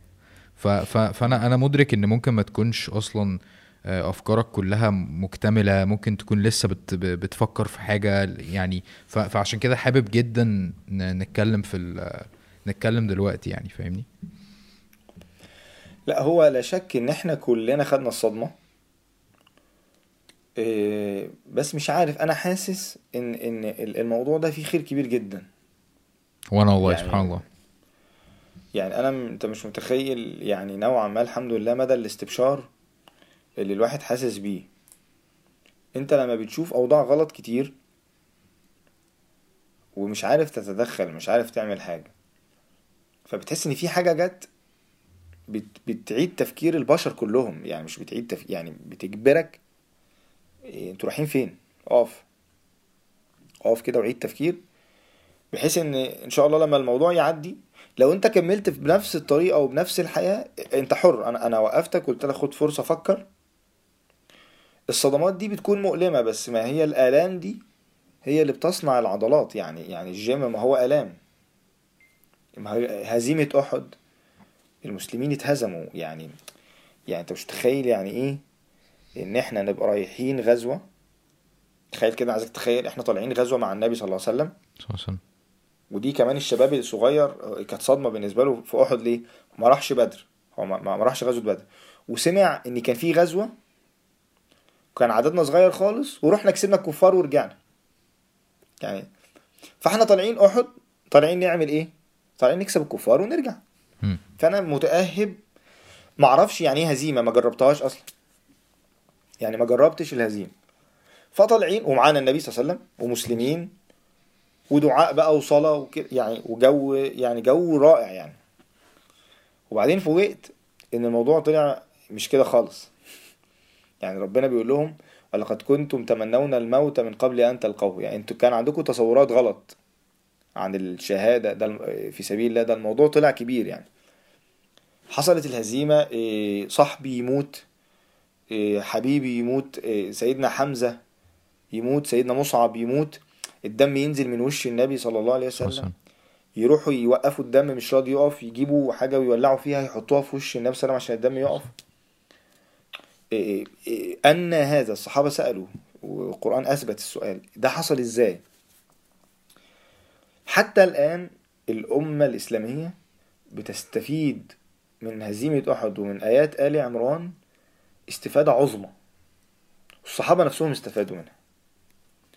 فالصدمات دي بتفوق المجتمعات بتعيد التفكير آه، بتقوي الإيمان يعني لو قعدنا نستطرد الصدمات دي بتعمل إيه في الحياة؟ ده ده بتعمل يعني زي ما بقول لك زي اللي بيروح الجيم كده هو شايف نفسه انت الواحد لما بيقعد يتفرج على على حد بيجري أو على حد بيعمل آه، رياضة أو كده بيحس إيه الموضوع سهل جدا. يعني هو قاعد بيتفرج حاسس إن هو قاعد ممكن يعمل نفس الحاجة أول ما بيقوم عشان يروح لل, لل... لل... مثلا آه، الجيم أو أي حاجة هو بينهج قبل ما بيوصل بيكتشف إن الموضوع كبير. الصدمات بقى المتتالية دي بتطلع عضلات الإيمان. يعني في ناس هتطلع إن شاء الله من الأزمة دي دينها مختلف تماما أنا واثق في ده. مم. الدين اللي كان معتمد إنك تنزل تصلي في أحلى مسجد وفي أجمل صوت واكتشفت إن أنا لازم أحافظ على ديني في الأزمات وحتى لو لوحدي وهقوم أدور على ميعاد للصلاة وهعمل مكان في البيت للصلاة وضعفت لأ هكمل. تخيل ده دينه يبقى عامل إزاي؟ مم. الأزمة دي بتصنع رجالة. ف كلنا اتصدمنا كلنا زعلنا لكن مش هينفع نقضيها كده. لازم نقوم بقى يعني الواحد استوعب كمية الفرص الدعوية اللي مضيعينها كانت كبيرة جدا. لما بدأت ال- الدعوة الأونلاين اكتشفنا طب إحنا كنا بنهرج. يعني اكتشفنا إن في إقبال رهيب ده إحنا كنا مقصرين جدا. إزاي معلش؟ كمية يعني ما هو أزمة كورونا قعدت معظم الناس في البيت وقعدت كتير من الدعاة في البيت. الدعاة بدأوا المساجد قفلت طب ما نشتغل أونلاين اشتغل أونلاين يفاجأ إنه يجي يعمل غرفة زوم ألف تتملى. نزود غرفة ألف كمان تتملى. تزود ألف كمان تتملى. الناس دي كانت موجودة وأنا مقصر معاها أصلا. يعني الناس موجودة. شباب كتير اعمل لنا معاهد شرعية نطلب علم فيها. مش أنتوا بتقولوا اطلبوا العلم إحنا عايزين. مم. فالأزمات دي بت- بتعرفك حاجات كتير كتير جدا وبتساعدك. يا ربنا سبحانه وتعالى بيساعدك بيقولك أنا قعدت الناس وعملت لها صدمة. اتكلم بقى أنت. يعني أنت أحيانا الناس لما بتكون مشغولة مش عايزة تسمعك. رتم الحياة سريع جدا جدا. يصحى ستة الصبح الشغل يروح يخلص يرجع بالليل ينام. الوقت يتصدم. إيه ده ممكن أموت في لحظة؟ محدش يقرب من حد. قادة دول خايفين من الأزمات وخايف إن يجيله كورونا ال ال الإنسان طلع ضعيف ما طلعش زي ما هو السوبرمان ولا حاجة ما طلعش ده. ف فأنا اكتشفت إن إحنا مضيعين فرص دعوية. اكتشفت إن أنا ضعيف تعبديا أنا أنا أنا كنت قوي تعبديا مع الناس. ال- الصدمات دي مهمة للي عايز يطور من نفسه. مهمة للي عايز تعبديا يبقى قوي. اللي عايز يعرف قد إيه هو يعني من الآخر حسيت إن هي بتحطنا قدام نفسي وبتحطنا قدام نفسنا اللي هينجح يعني زي الصحابة كده لما اتحطوا في ظروف في مكة صعبة قوي ونجحوا فيها قادوا العالم. يعني بداية الصحابة ما كانتش البداية ال ال اللطيفة الكيوت اللي ما فيش فيها أي مشاكل والجو المكيف لا لا لا. مع كل أزمة بقى بعد كده النبي صلى الله عليه وسلم ينادي. على المسلمين الأوائل. لأن دول اللي اتربوا صح. الشباب اللي عايز يحافظ على دينه من 2011 لغاية دلوقتي 2020 أحداث رهيبة متتالية يحاول يمسك في دينه. مشاكل وابتلاءات واختلافات وثورات وخلافات نخب وابتلاءات رهيبة ولسه ماسك في دينه وبيدور. أنا ب- شايف الله سبحانه وتعالى يصنع لهذا الدين. لا يعني اللي بيحصل ده من ع- ده فعلا إن ربي لطيف لما يشاء. يعني زي سيدنا يوسف كده لطف ربنا بيه خطوة بخطوة اللي بيحصل مع الأجيال دي إيه إن الدعاء مش عارفين يربوا الناس ربنا بيربينا. سبحان الله. يعني أنت شايف إنه ربنا بي, بي يعني في حاجة بي بي بيتجهز لها أو ربنا سبحانه وتعالى بيفلتر الناس أو أو بي حاجة زي كده قصدك كده صح؟ آه أنا هو مقالات اللي هيحصل بتاعت ربنا لكن فعلا أنا حاسس بلطف ربنا إن- يعني إيه إحنا بناخد خبطة جامدة نتصدم نحاول نتأقلم عليها أول ما نتأقلم معاها تيجي الخبطة اللي بعدها نتصدم أنا حاسس إن وعي الشباب بيزيد حاسس إن يعني أنا لما بقابل الشباب ال- ال- ال- اللي له هم دين الفترة دي لا أنضج مننا بكتير. لما بقابل شباب الجيل ده بحس إنه أكثر وعيا وأكثر نضجا.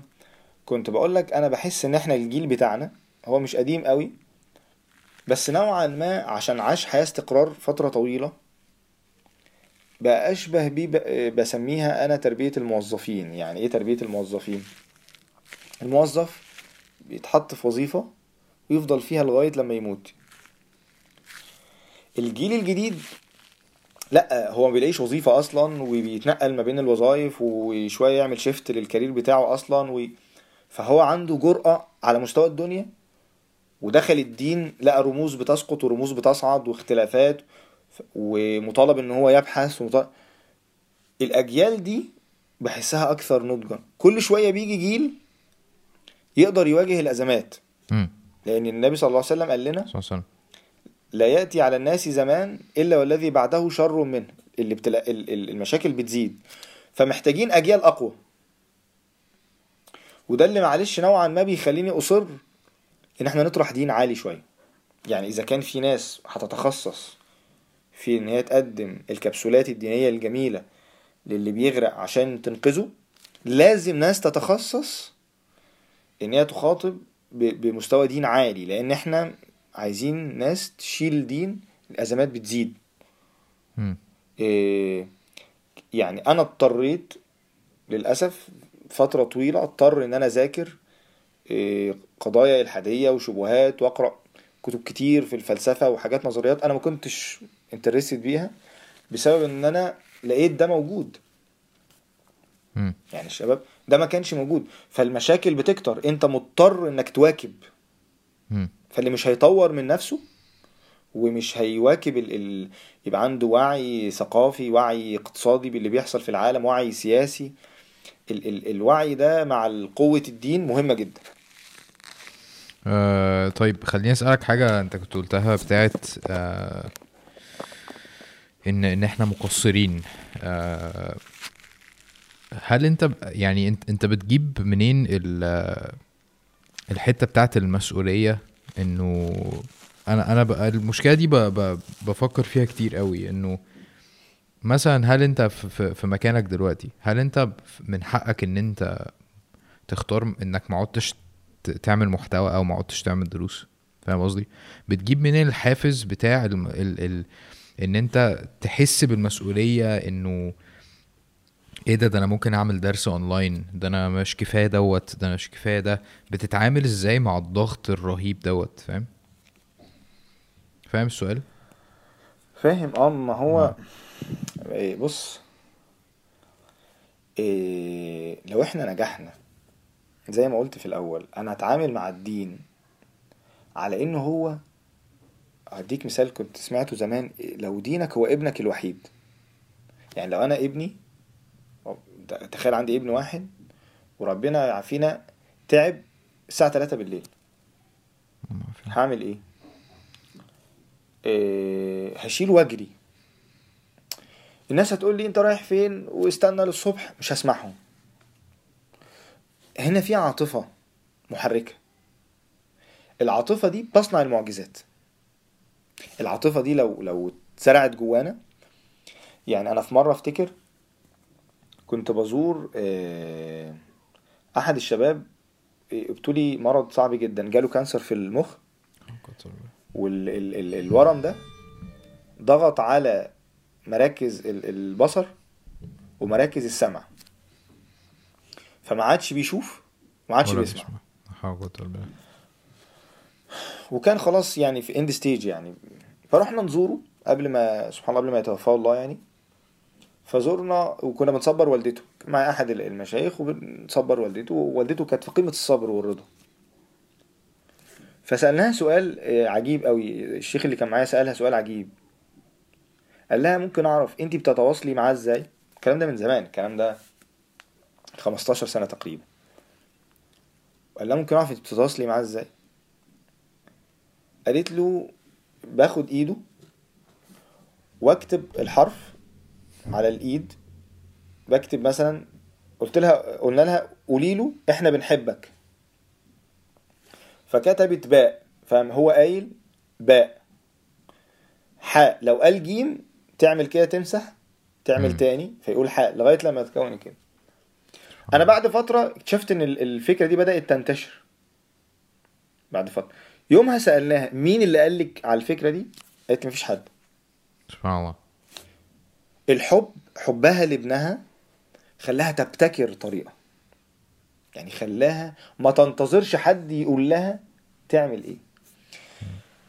لو إحنا مشاعرنا تجاه ديننا إن هو ابننا الوحيد إحنا جوانا مشاعر تجاه الدين ده في ناس أنا ب... أنا أقول لك على حاجة أنا مش غاوي كورة قوي حتى من زمان مش غاوي كورة.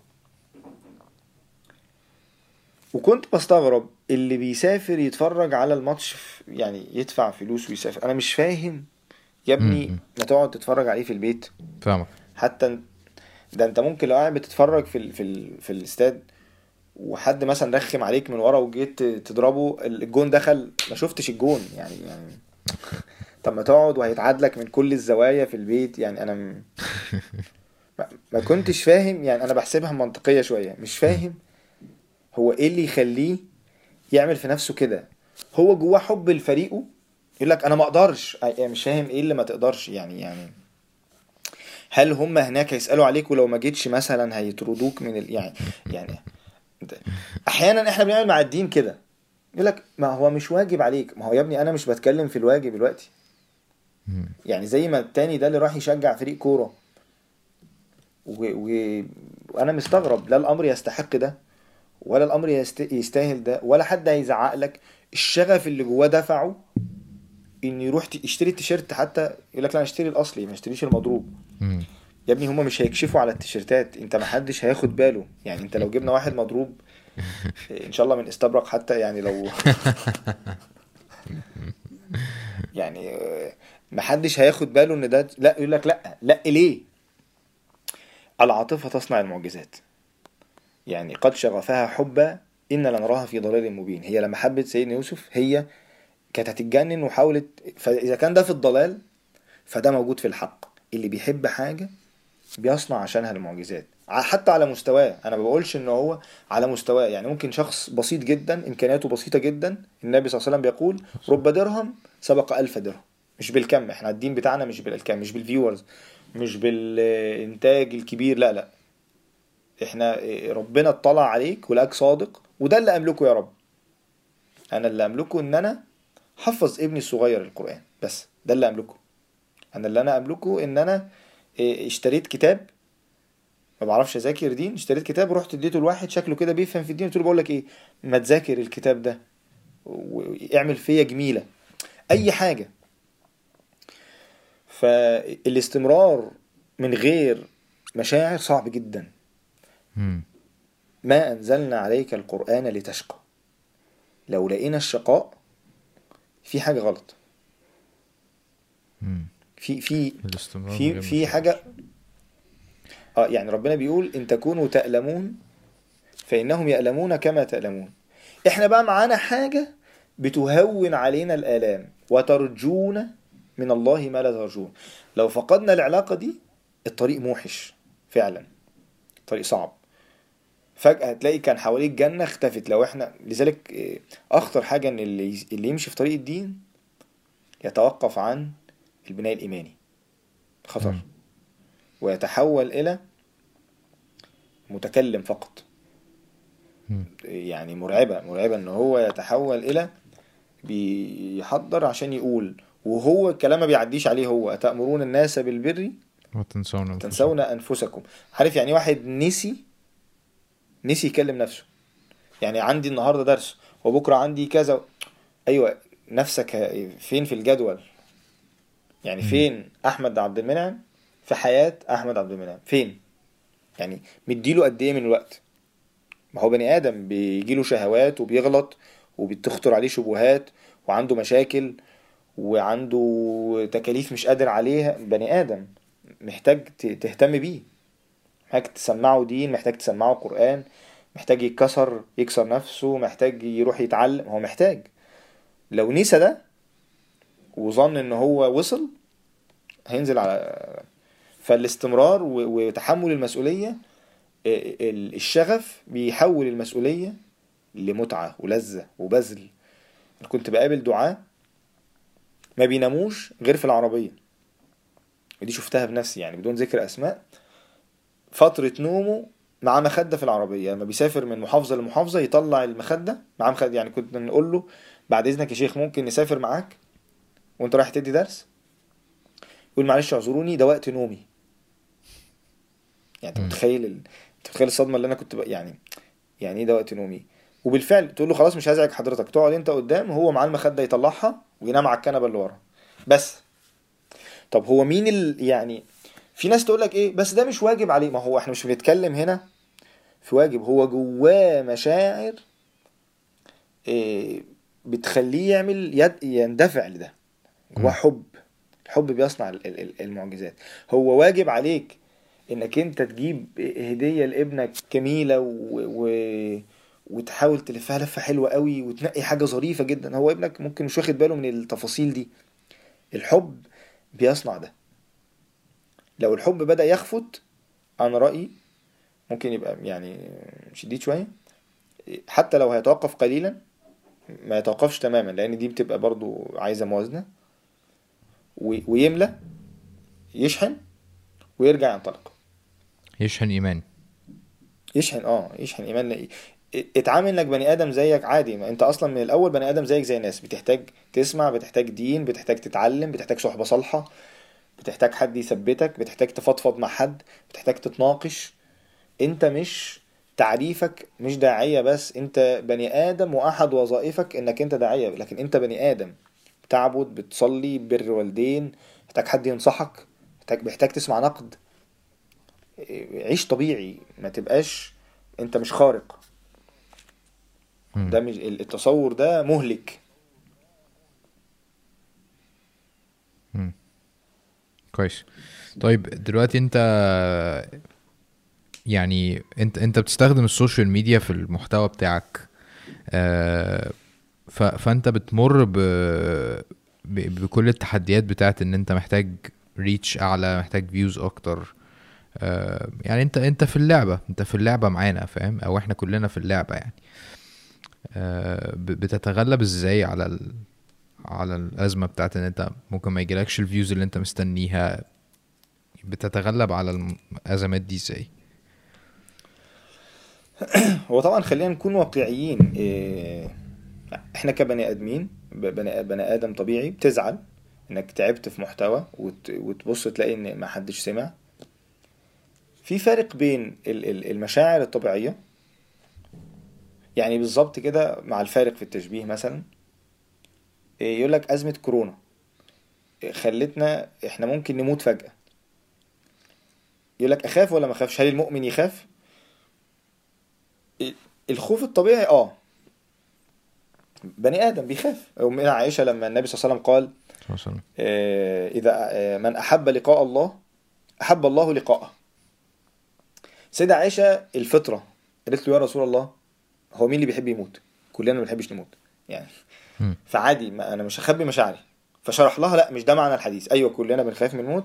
المؤمن أول لما هيجي يموت هيشوف ملائكة ال- ال- ال- الجنة و والنعيم هيحب بقى يكمل يموت. معايا؟ ففكرة إن أنا عندي شعور طبيعي آه ده بيحصل. إزاي اوزنه بقى؟ إزاي أركب عليه مشاعر توازنه؟ إزاي ما ما أعملش غرضي على الفيو بس؟ إزاي؟ أنا مش بقول أنا بعمل ده أنا بقول أنا محتاج ده. مم. يعني أنا أنا آه، اكتشفت بتمرن فعلا نفسك عليه يعني آه. آه، واكتشفت إن إيه؟ دايما اللي بره زي ما أنت بتقول اللي بره اللعبة بينصح بسهولة. مم. يعني اللي بقى يعني الواحد لما كان بره الموضوع الناس اللي بتهتم بال... بالمشاهدات وده حاجة يا أخي أعوذ بالله مش ممكن الناس دي تفكيرها سيء جدا. وبعدين أول ما أنت بتيجي تخش جوه المنظومة دي تكت... بت... انت كمان بتهتم بالمشاهدات تقوم انت قايل إيه؟ لا بس أصلا غيرهم هم بي... بيهتموا بالمشاهدات عشان هم منافقين. لا أنا ابن ح- عايز الدعوة تنتشر. آه وأنا منافق ولا لا؟ أنا ابن حلال مصفي مش ممكن لا لا فهو الإنسان بيفضل يبرر لنفسه وده مش صح يعني لازم يبقى صادق مع نفسه. آه، فلازم أوازن. آه أنا عايز الدعوة تنتشر لكن بدون ما أغير في المحتوى عشان يرضي الناس. بدون ما أتوقف ويبقى ال- ال- ال- المحرك الرئيسي هو ده. هتقولي أعرف منين؟ هقول لك هتختبر. ده يعمل واحد شافه في الطريق. هتختبر. يعني يعمل واحد رايح درس وبتاع والمسجد يقول لك والله إحنا ما عملناش إعلان بسبب ظروف ما كده يعني. فرحت لقيت عشرة. هنا هتحصل دي كتير. في ناس يقول لافف وراجع وهنا بيقول لنفسه وهو لافف وراجع أنا عملت كده عشان الدين. مفيش حد بيقول أنا وحش. أكيد. يعني محدش بيقول إيه إيه أنا عملت ده بصراحة عشان أنا هنا كنت منافق وهنا كنت لا هو هو كل حاجة هنبرر هن- هعرف أبرر لنفسي. فهتختبر. صدقك هيختبر. هتختبر أنت غيرت الكلام ولا لا؟ عشان الأعداد. غيرت المحتوى ولا لا؟ غيرت ال ال مبادئك؟ تنازلت عن مبادئك ولا لا؟ إيه قفلتك النفسية هي اللي بقت متحكمة فيك لما الأعداد بدأت هي اللي بقت متحكمة فيك. المحرك الرئيسي. الحاجات دي بتظهر معانا كلنا. مفيش حد بي يعني بي بيتوه منها ولا بيفلت منها هيختبر. أصل ده طريق ربنا. يعني ربنا مش هيسيب يعني يعني ال ال الاختبار في طريق ربنا بلاش تكسب الناس من خلال ربنا. يعني. بلاش يعني بلاش ال ال ال الورقة اللي تكسب بيها الناس اكسب الناس بحاجة تانية ابعد عن الدين. دي صعب قوي. وتكرار بقى المعاني. عارف زي بالظبط يقول لك إيه؟ آه، أنا إمام في الصلاة وصوتي حلو. وبيجي لي الرياء. أعمل إيه؟ أتوقف عن الإمامة؟ نقول له لأ. جاهد نفسك. خلي في بينك وبين ربنا أعمال من السر. صلي قيام ليل لوحدك. حاول تفكر نفسك لما الناس تثني عليك إيه، تفكر نفسك. كل واحد فينا عارف حقيقته. يعني كل واحد فينا آه، مهما بدأ قدام الناس إحنا عارفين حياتنا كويس جدا. صح. يعني يعني أنا بقعد أتخيل كده لو كل واحد فينا صحيفة السيئات بتاعته والحاجات اللي بيعملها لوحده اتوزعت على الناس كده بعد صلاة الجمعة. يعني تخيل الفضيحة يعني اللي بيخطب ده تخيل صحيفة سيئاته يعني فبلاش نمثل على بعض. إحنا عارفين كويس حجمنا. فأنا محتاج أفكر نفسي بده محتاج اجاهد وهي لازم هيفضل في نوع من ال- الموازنة. فاهم الموازنة. زي ما قلت لك الشرع بقى بيقول لك عشان ما تخشش في وسوسة انت عملت ده ليه؟ انت الدافع الرئيسي كنت عشان ال- الفيو انت غيرت زي ما قلت لك من مبادئك غيرت من حاجات لعبت في حاجات في ال- قلت حاجات لا تجوز عشان الناس وده هيظهر في الطريق. لكن فكرة إن في علاج سحري أول لما هنعمله هنظبط ال setting الحمد لله. لا أنا كده هقلق منك يا حازم رحمه الله. ما تقلقش إحنا اونلاين طيب ماشي. يعني مفيش علاج سحري يعني مفيش حاجة. إيه، هنلعب في ال setting بتاعنا جوه. إيه، اعمل لي off للرياء أو اعمل لي off لل... لل... لل... إن أنا ما أبصش على الفيديو. لا طول ما أنت ماشي في الطريق عينك كل شوية هتلف. انت رجعها تاني. قدر المستطاع. كويس. آه ال النقطة اللي انت بتقولها بتاعت ان كلنا عارفين نفسنا كويس جدا وعارفين سيئاتنا كويس جدا والكلام ده. آه من من معرفتي بنفسي كويس جدا. آه ده اللي بيخليني أعرف آه أقبل الناس عارف؟ ده اللي بيخليني عارف. يعني ما عدتش بعرف يعني أنا من مثلا من سنتين ولا أكتر أو كده كنت بسهولة جدا ب- بحط X على الناس. عارف اللي هو ده ده ده دقنه ده ده مش مربي دقنه X عارف؟ دي مش ع... يعني في شوية إيه اسطمبات كده بتروح جاي خلاص معلم على الناس. فأنا من معرفتي بنفسي اللي هو لو أنا جه حد و... ومثلا مثلا يعني كتب عني إن أنا وحش جدا وإن أنا مش عارف إيه وإن أنا ايا كان وسوق سمعتي جدا في العالم. آه، أنا هبقى بحارب إن أنا فعلا أقول له إن أنا مش وحش. يعني أنا ممكن أكون بعمل حاجات آه، غلط كتير في السر ممكن ما حدش يعرف عنها كل الكلام ده. آه، بس أنا مش وحش. عارف يعني هب- هبقى نفسي أقول له أنا مش وحش أنا بعمل حاجات وحشة بس أنا مش وحش. فال فالصراع النفسي ده هو اللي بيخليني أرحم الناس جدا عارف؟ ده هو اللي بيخليني أحس إنه يعني على الأقل يا عم ده الحاجة الوحشة اللي أنت شايفها دي أنت شايفها علنا. هو ممكن يكون بيعمل حاجات حلوة أنت مش أيوة. شايفها يعني فاهمني. آه طيب آه دلوقتي رمضان. آه الصراحة يعني الناس كلها إيه هلعانة وبتاع بس مش عارف. أنا شخصيا عندي حماسة كده آه لرمضان مع نفسي. يعني يمكن أنت قلت شوية حاجات عن الموضوع ده في النص. آه فكرة إن أنت تصلي لوحدك وإن أنت تبقى محدش شايفك أصلا محدش هيعرف أنت نزلت تصلي ولا لأ وكل الكلام ده كله. ف ف حاسس إن ربنا فعلا زي ما أنت قلت بي بيحطنا قدام نفسنا اللي هو أنت أنت بجد هتيجي ولا أنت بس بتصلي عشان محرج إن مراتك عايزة تنزل وأنت لأ مثلا؟ فاهمني. فاحكي لي كده عن اللي أنت بتفكر فيه في الموضوع ده. والله بص يعني إحنا برضو آه يعني زي تبع النقطة برضو اللي فاتت أنا بحس إن الدين ده فيه كمية توازن مش طبيعية.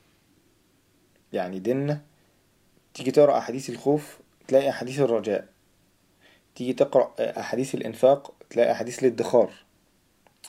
فدايما ال- اللي عايز يفكر بنمط واحد في الحياة بيحس إن عنده مشكلة في فهم الدين. يعني دايما العقول ال- ال- البسيطة شوية عايزة حاجة واحدة بس تقول له لأ ما هي دي ولو حصل كذا يبقى دي يعني هي مش مش نمط واحد في الحياة.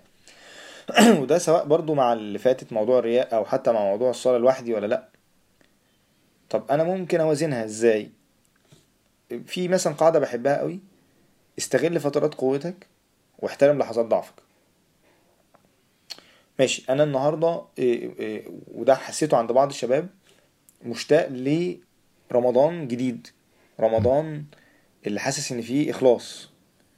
رمضان ال- ال- اللي بدون قيود أنا مثلا الشباب يقول لك أنا هفطر وأنام نص ساعة وأصحى أصلي ساعتين وحاطط جدول قراءة وهسمع قبل ما أصلي وناس حاطة جداول جميلة.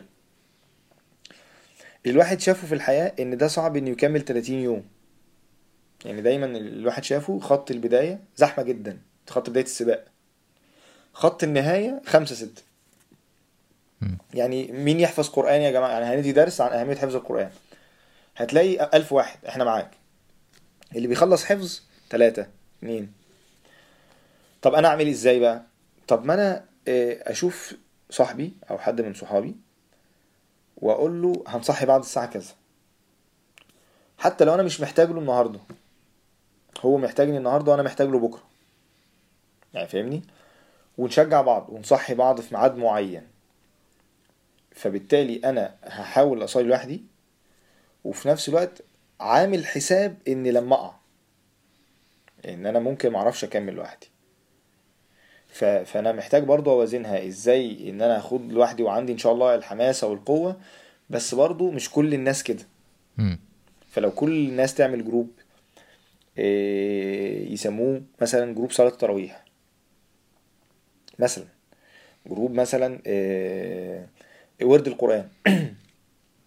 مع اتنين تلاتة أربعة أيا كان العدد مع أصحابي ونشجع بعض. ها يا جماعة نصحي بعض الساعة كام؟ طب كذا. طب يا جماعة بالله عليكم عشان ما ك... ولو أنا عملت ده وأنا عندي الحماس عشان أفيد صحابي النهاردة أنا اللي سخن. هتترد لك. على بالظبط كده. على نص رمضان أنا هضعف. هيحصل لي مشاكل في البيت هبقى مقريف سمعت أخبار وحشة راجع مخنوق مش طايق أو مش قادر أقوم النهارده. هو بقى يصحيني المرة دي. فأنا برضو رأيي إن إن إحنا لو عايزين كلام عملي حط جدولك خليك واقعي في جدولك ما تبقاش عندك اكستريم في التفكير وفي ناس تبقى عندها متصورة. دايما زي ما قلنا إن دايما تصور الحاجة غير تطبيقها. ابدأ جرادو ابدأ خليك تدريجي. بلاش ت... بلاش من أول يوم لأ اعمل تدريجي. لاحظ إن ليلة القدر في العشر الأواخر مش عايزين نخسرها. حاول تبقى منظم وفي نفس الوقت احترم لحظات الضعف فأنا من الأول. هعمل مع مجموعة صحابي هنشجع بعضنا هن... هنتقابل في السكرتة يعني من غير ما حد ياخد باله عشان الناس بس مت... يعني آه، يعني عادي هو عازمني على السحور يعني مش هنصلي مع بعض ركعتين يعني أنا آه، يوم أو يومين جربت نفسي لوحدي جربت نفسي وأنا بصع يعني أنا لازم آه، آخد الموضوع فعلا إن هو تحدي إن أنا أنجح إن شاء الله بس آخد بالأسباب. ما اعتمدش على الحماسة اللي أنا حاسسها دلوقتي. يعني في ناس آه، عندها سمعت دروس عن رمضان ومتحمسة وسايبة نفسها. لا هتقرأ القرآن إمتى؟ يعني ورد القرآن هتقرأه إمتى؟ بالنهار ولا بالليل؟ أنت آه، من النوع اللي ممكن تصحى بدري ولا بتبقاش فايق بالنهار ولا هتنام؟ هتقرأ القرآن إمتى؟ هتصلي؟ في نفس الميعاد يعني هتصلي تراويحك في نفس الميعاد. خلاص اتفق مع حد إن ساعة أذان العشاء تصحوا بعض وتكلموا بعض وتفكروا بعض وهنقوم ونصلي. وهتصلوا بحزب هتصلوا بنص حزب هتصلي بقد إيه هنبدأ؟ هناخد مثلا ربع المصحف في رمضان كله ولا نص المصحف في رمضان كله ولا على حسب كل واحد على حسب مرحلته. إيه، مالكش دعوة بالناس اختار اللي يناسبك. ما تقعدش دايما متأثر أصل هو صاحبي. اختار اللي يناسبك وشوف حد في نفس مرحلتك وابدأوا مع بعض. وفضل ما تعديش يوم في رمضان من غير ما تسمع وعظ. من غير ما تسمع إيه؟ وعظ. لازم حد يوعظك تسمع درس. مم. درس عن الجنة درس عن النار عن أسماء الله الحسنى معرفة الله هم الدين. لازم تسمع. إيه- إيه- الزاد الإيماني ده يخليك تكمل. مم. يعني كان في درس جميل قوي زمان اسمه كيف تحافظ على صلاة الفجر. تقريبا للدكتور راغب السرجاني. آه. كان من الأفكار الظريفة اللي فيها إنك تكتب فضائل صلاة الفجر كتير قدامك وتعلقه كل ما تضعف صاحي من النوم مش قادر أنزل وجو بتاع تبص من صلى الفجر في جماعة فهو في ذمة الله. وأنت بقى كاتب لنفسك هتعيش يومك إزاي من غير ما تبقى في ذمة الله؟ لا أنا هضغط على نفسي وأنزل. فأنا محتاج حد يفكرني. أنا النهاردة كنت معزوم على الفطار إيه، و- وكنت متقل بقى إيه يعني قفلتها. وكلت مش عارف إيه وحليت بإيه وبعدين شربت إيه وبعدين عملت مراجعة تانية على الأكل اللي فاتني و... و... فطبعا أنا محتاج أنا مش يعني مستحيل. وزمان اللي كان بيصبرني إن أنا هنزل أصلي مع الجماعة. طيب هتنام مين اللي هيصحيك؟ طب هتص... طب هتضغط على نفسك وتصلي طب يعني من الآخر احترم لحظات ضعفك. بس يعني هتستغل فترات قوتك صح بس احترم لحظات الضعف واوعى تعدي ليلة من غير قيام ليل. اوعى إن شاء الله قل هو الله احد اوعى تعدي ليلة في رمضان من قام رمضان أي يعني كله. من قام رمضان إيمانا واحتسابا غفر له ما تقدم من ذنبه ما ينفعش خلينا نعامل القيام نوعا ما زي ما بنعامل الصيام. أنا يعني من الحاجات اللي الواحد ياما جربها في نفسه حتى في صيام النوافل. أنا أحيانا بقول إيه, إيه أنا هصحى مثلا بكرة الخميس أنا إن شاء الله احتمال أصوم. غالبا بفطر. يعني غالبا. إيه أنا عندي حتى في الشغل كده لما يقولوا لي إيه لو عايز تيجي تدي ال- المحاضرة دي في واحد زميلك هيجي بالنسبة لك دي اختياري. غالبا ما بروحش. يعني فأنا صعب قوي إنك تلاقي حد صابح في رمضان يقول لك أصوم ولا بلاش. مم. صعب اللي بيسو قيام الليل لو اتعاملت معاه إنه اختياري. هقول لك إيه؟ النهارده كانت كنافة بالمانجا. مش هتنفع مع ال مش مش هتنفع قيام ليل. مش مش مش راكبه خالص. يعني فأنت لو قعدت أي عامل factor صغير قد كده هو يبقى يضرب لك قيام ليل. فأنت بلاش تحط في ذهنك. إن هو اختيار. القيام اختياري. خ... لا أنا هصلي قيام ليل أنا أنا متارجت على من قام رمضان إيمانا واحتسابا. فغفر له ما تقدم من ذنبه. كويس. طيب أنت إن- أنت خطتك آه، هتبقى مشابهة للي أنت قلته ولا عندك أي تريكات زيادة ولا الدنيا مش هتمشي. إزاي؟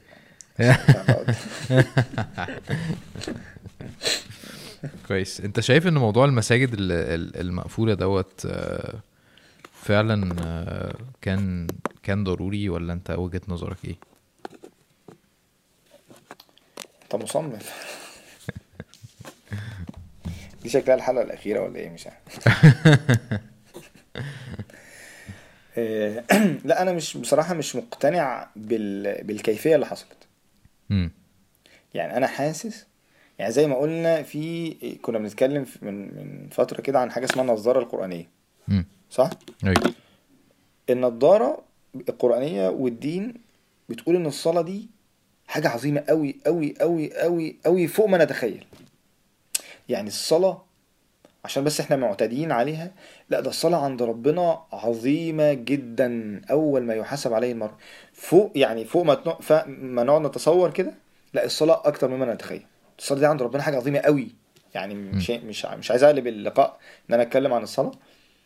مش كأن أنا أصلا كمان عندي درس كمان شوية بس. فالصلاة فوق ما نتخيل. يعني في كتيب ظريف قوي اسمه الدين هو الصلاة. دكتور فريد الأنصاري. الناس تقرأه عشان تعرف قد إيه الصلاة دي عظيمة. طيب لو لو قلنا دي مقدمة رقم واحد. ماشي؟ أوكي أنا الصلاة عظيمة. جدا. الصوت كان راح شوية كده؟ آه بس طالما أنت بتسجل فمفيش مشكلة. يعني هو تسجل عندك يعني. طيب. يبقى يبقى مقدمة رقم واحد عشان نرتب الكلام. الصلاة عظيمة جدا فوق ما نتخيل وزي ما قلت ممكن نقرأ كتاب الدين هو الصلاة لدكتور. فريد الأنصاري رقم اتنين بما إن الصلاة مهمة جدا جدا جدا جدا جدا وفي حاجات في حياتنا مهمة جدا جدا جدا جدا ما اتقفلتش هنعامل الصلاة نفس المعاملة دي إزاي؟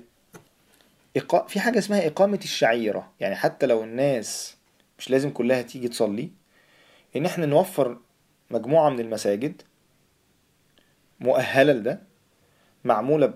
ب... ب...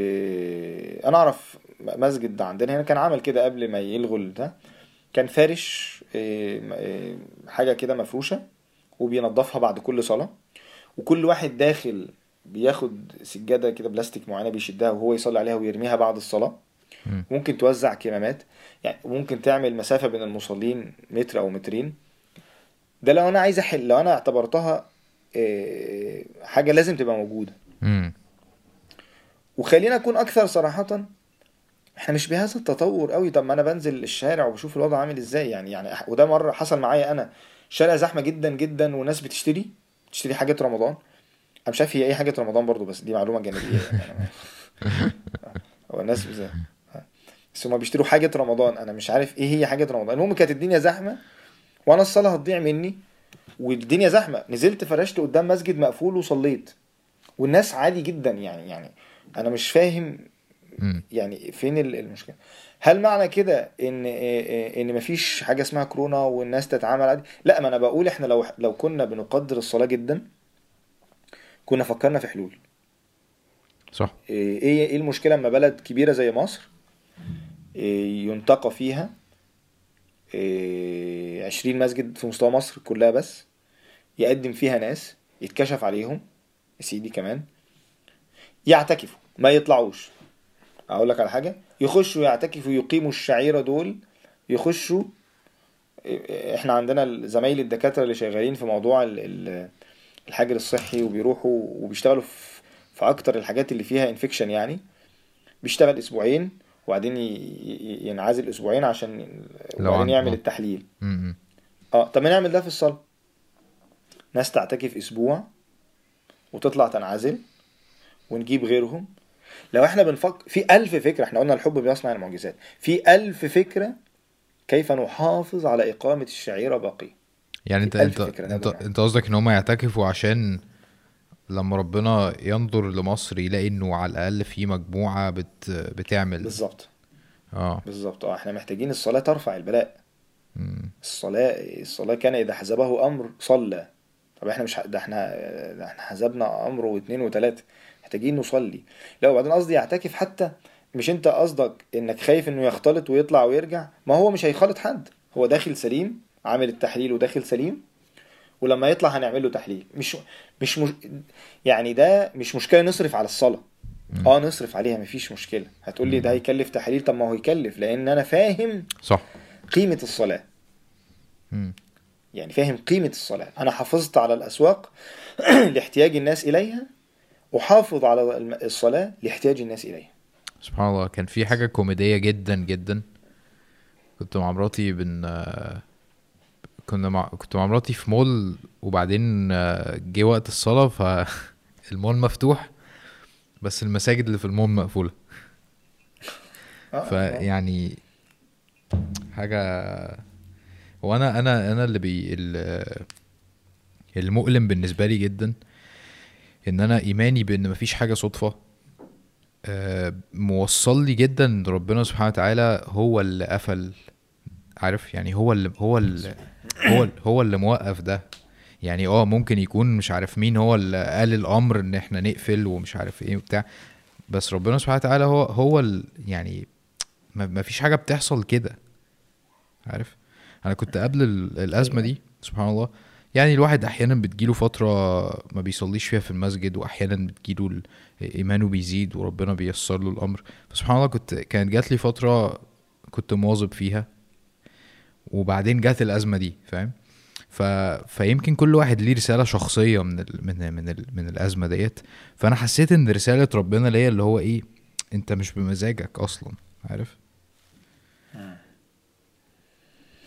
مهم قوي حلو قوي موضوع ال- ال- ال- الرسالة الشخصية دي.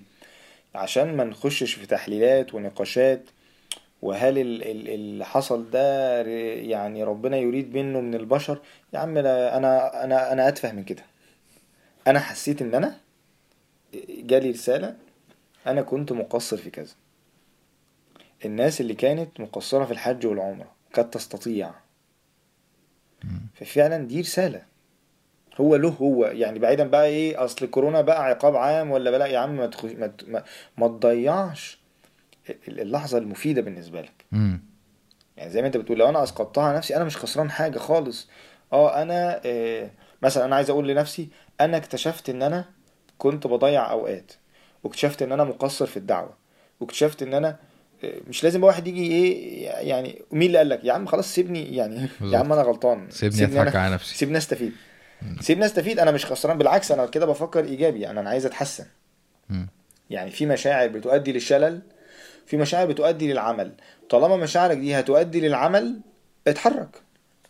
ما- يعني ففعلا لا آه، رسائل عظيمة لو كل واحد قاعد مع نفسه ويفكر ما هي رسالة الله لي من هذه الأحداث؟ هطلع بإيه؟ يعني أنا هطلع بإيه من. يعني العالم عارف أنا حسيت كده إيه يعني في بوز كده واحد يعني الدنيا وش وقفت. سبحان الله. فعلا فعلا. حاجة يعني إيه أقف فكر عارف عقوبة السامري في القرآن؟ إن لك في الحياة أن تقول لا مساس. الناس يعني يعني لسه واحد بيحكي لي دكتور ورزق ببنت مش عارف يحض مش عارف يبوس بنته لسه مولودة. خايف. يعني هو شغال دكتور وشغال بقى وسط الانفكشن وكده فخايف يبوس بنته ينقل لها العدوى سبحان الله. فأنت متخيل ال ال ال ففعلا دي محتاجة تفكير. كل واحد كأنه إيه اقعد لوحدك فكر. هتقابل ربنا لوحدك. وأنا عايز أقول لك إن دي أحيانا رحمة أحسن ما كان ربنا ياخدنا فجأة. طبعا. يعني إنك أنت تقف يعني هو ده أحسن إن, إن إحنا نقف نفكر. أصل خد بالك هو إيه المعيار اللي بنفكر فيه؟ لو إحنا بنفكر في الدين لا أنا شايف إن إن دينيا دي فرصة رائعة. يعني فوق الرائعة بصراحة. أنا كنت بقول كده في درس الناس مش مقتنعة. قلت لهم والله أنا أنا حاسس كده. أنا حاسس إن هي الدعاة طاقتهم ضعيفة مجهودهم ضعيف مش قادرين يوصلوا. فجأة يعني ربنا عمل لنا قدر معين خلى الناس كلها تقف تفكر. يعني حاجة بصراحة سبحان الله عجيبة جدا. سبحان الله. أنا أنا مبسوط إن أنت يعني إيجابي جدا في ال في ال في الأزمة دي. أنا أنا متابع كام حد كده من من من الشيوخ مثلا في واحد اسمه ياسر قاضي هو أمريكي هندي أمريكي يعني بيعمل دعوة بالإنجليزي في أمريكا. فهو إيجابي جدا برضو في الفترة دي وبيشجع الناس. أنا أنا بشوف إن الناس دي هي اللي فاهمة هي اللي آه، يعني الدين بالنسبة لها بي بي بي آه، بي بيتأقلم على الوضع جدا لأن هو جواهم أصلا. فاهم قصدي؟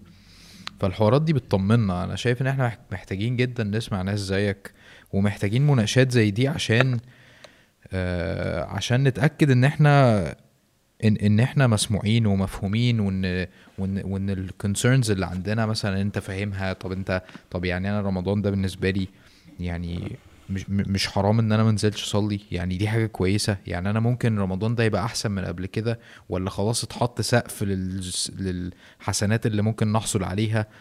يعني لازم نطمن. فاهمني؟ ما هي أكبر أزمة زي ما قلت لك إيه، يعني إحنا فقدنا الاتصال. بقى الاتصال كله social media مفيش اتصال بال يعني أنا نفسي أعرف مشاكل الشباب الحقيقية.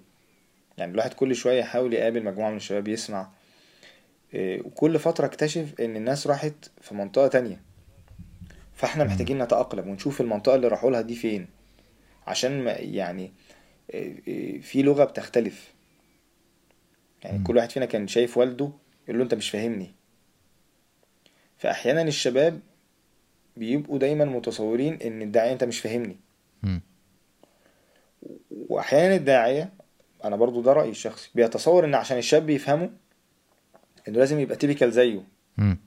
يعني أنا عشان الشاب يفهمني أنا لازم إيه، أكون نفس اللبس ونفس الشكل لأ مش لازم. يعني أنا يعني مش لازم أتحول لأ.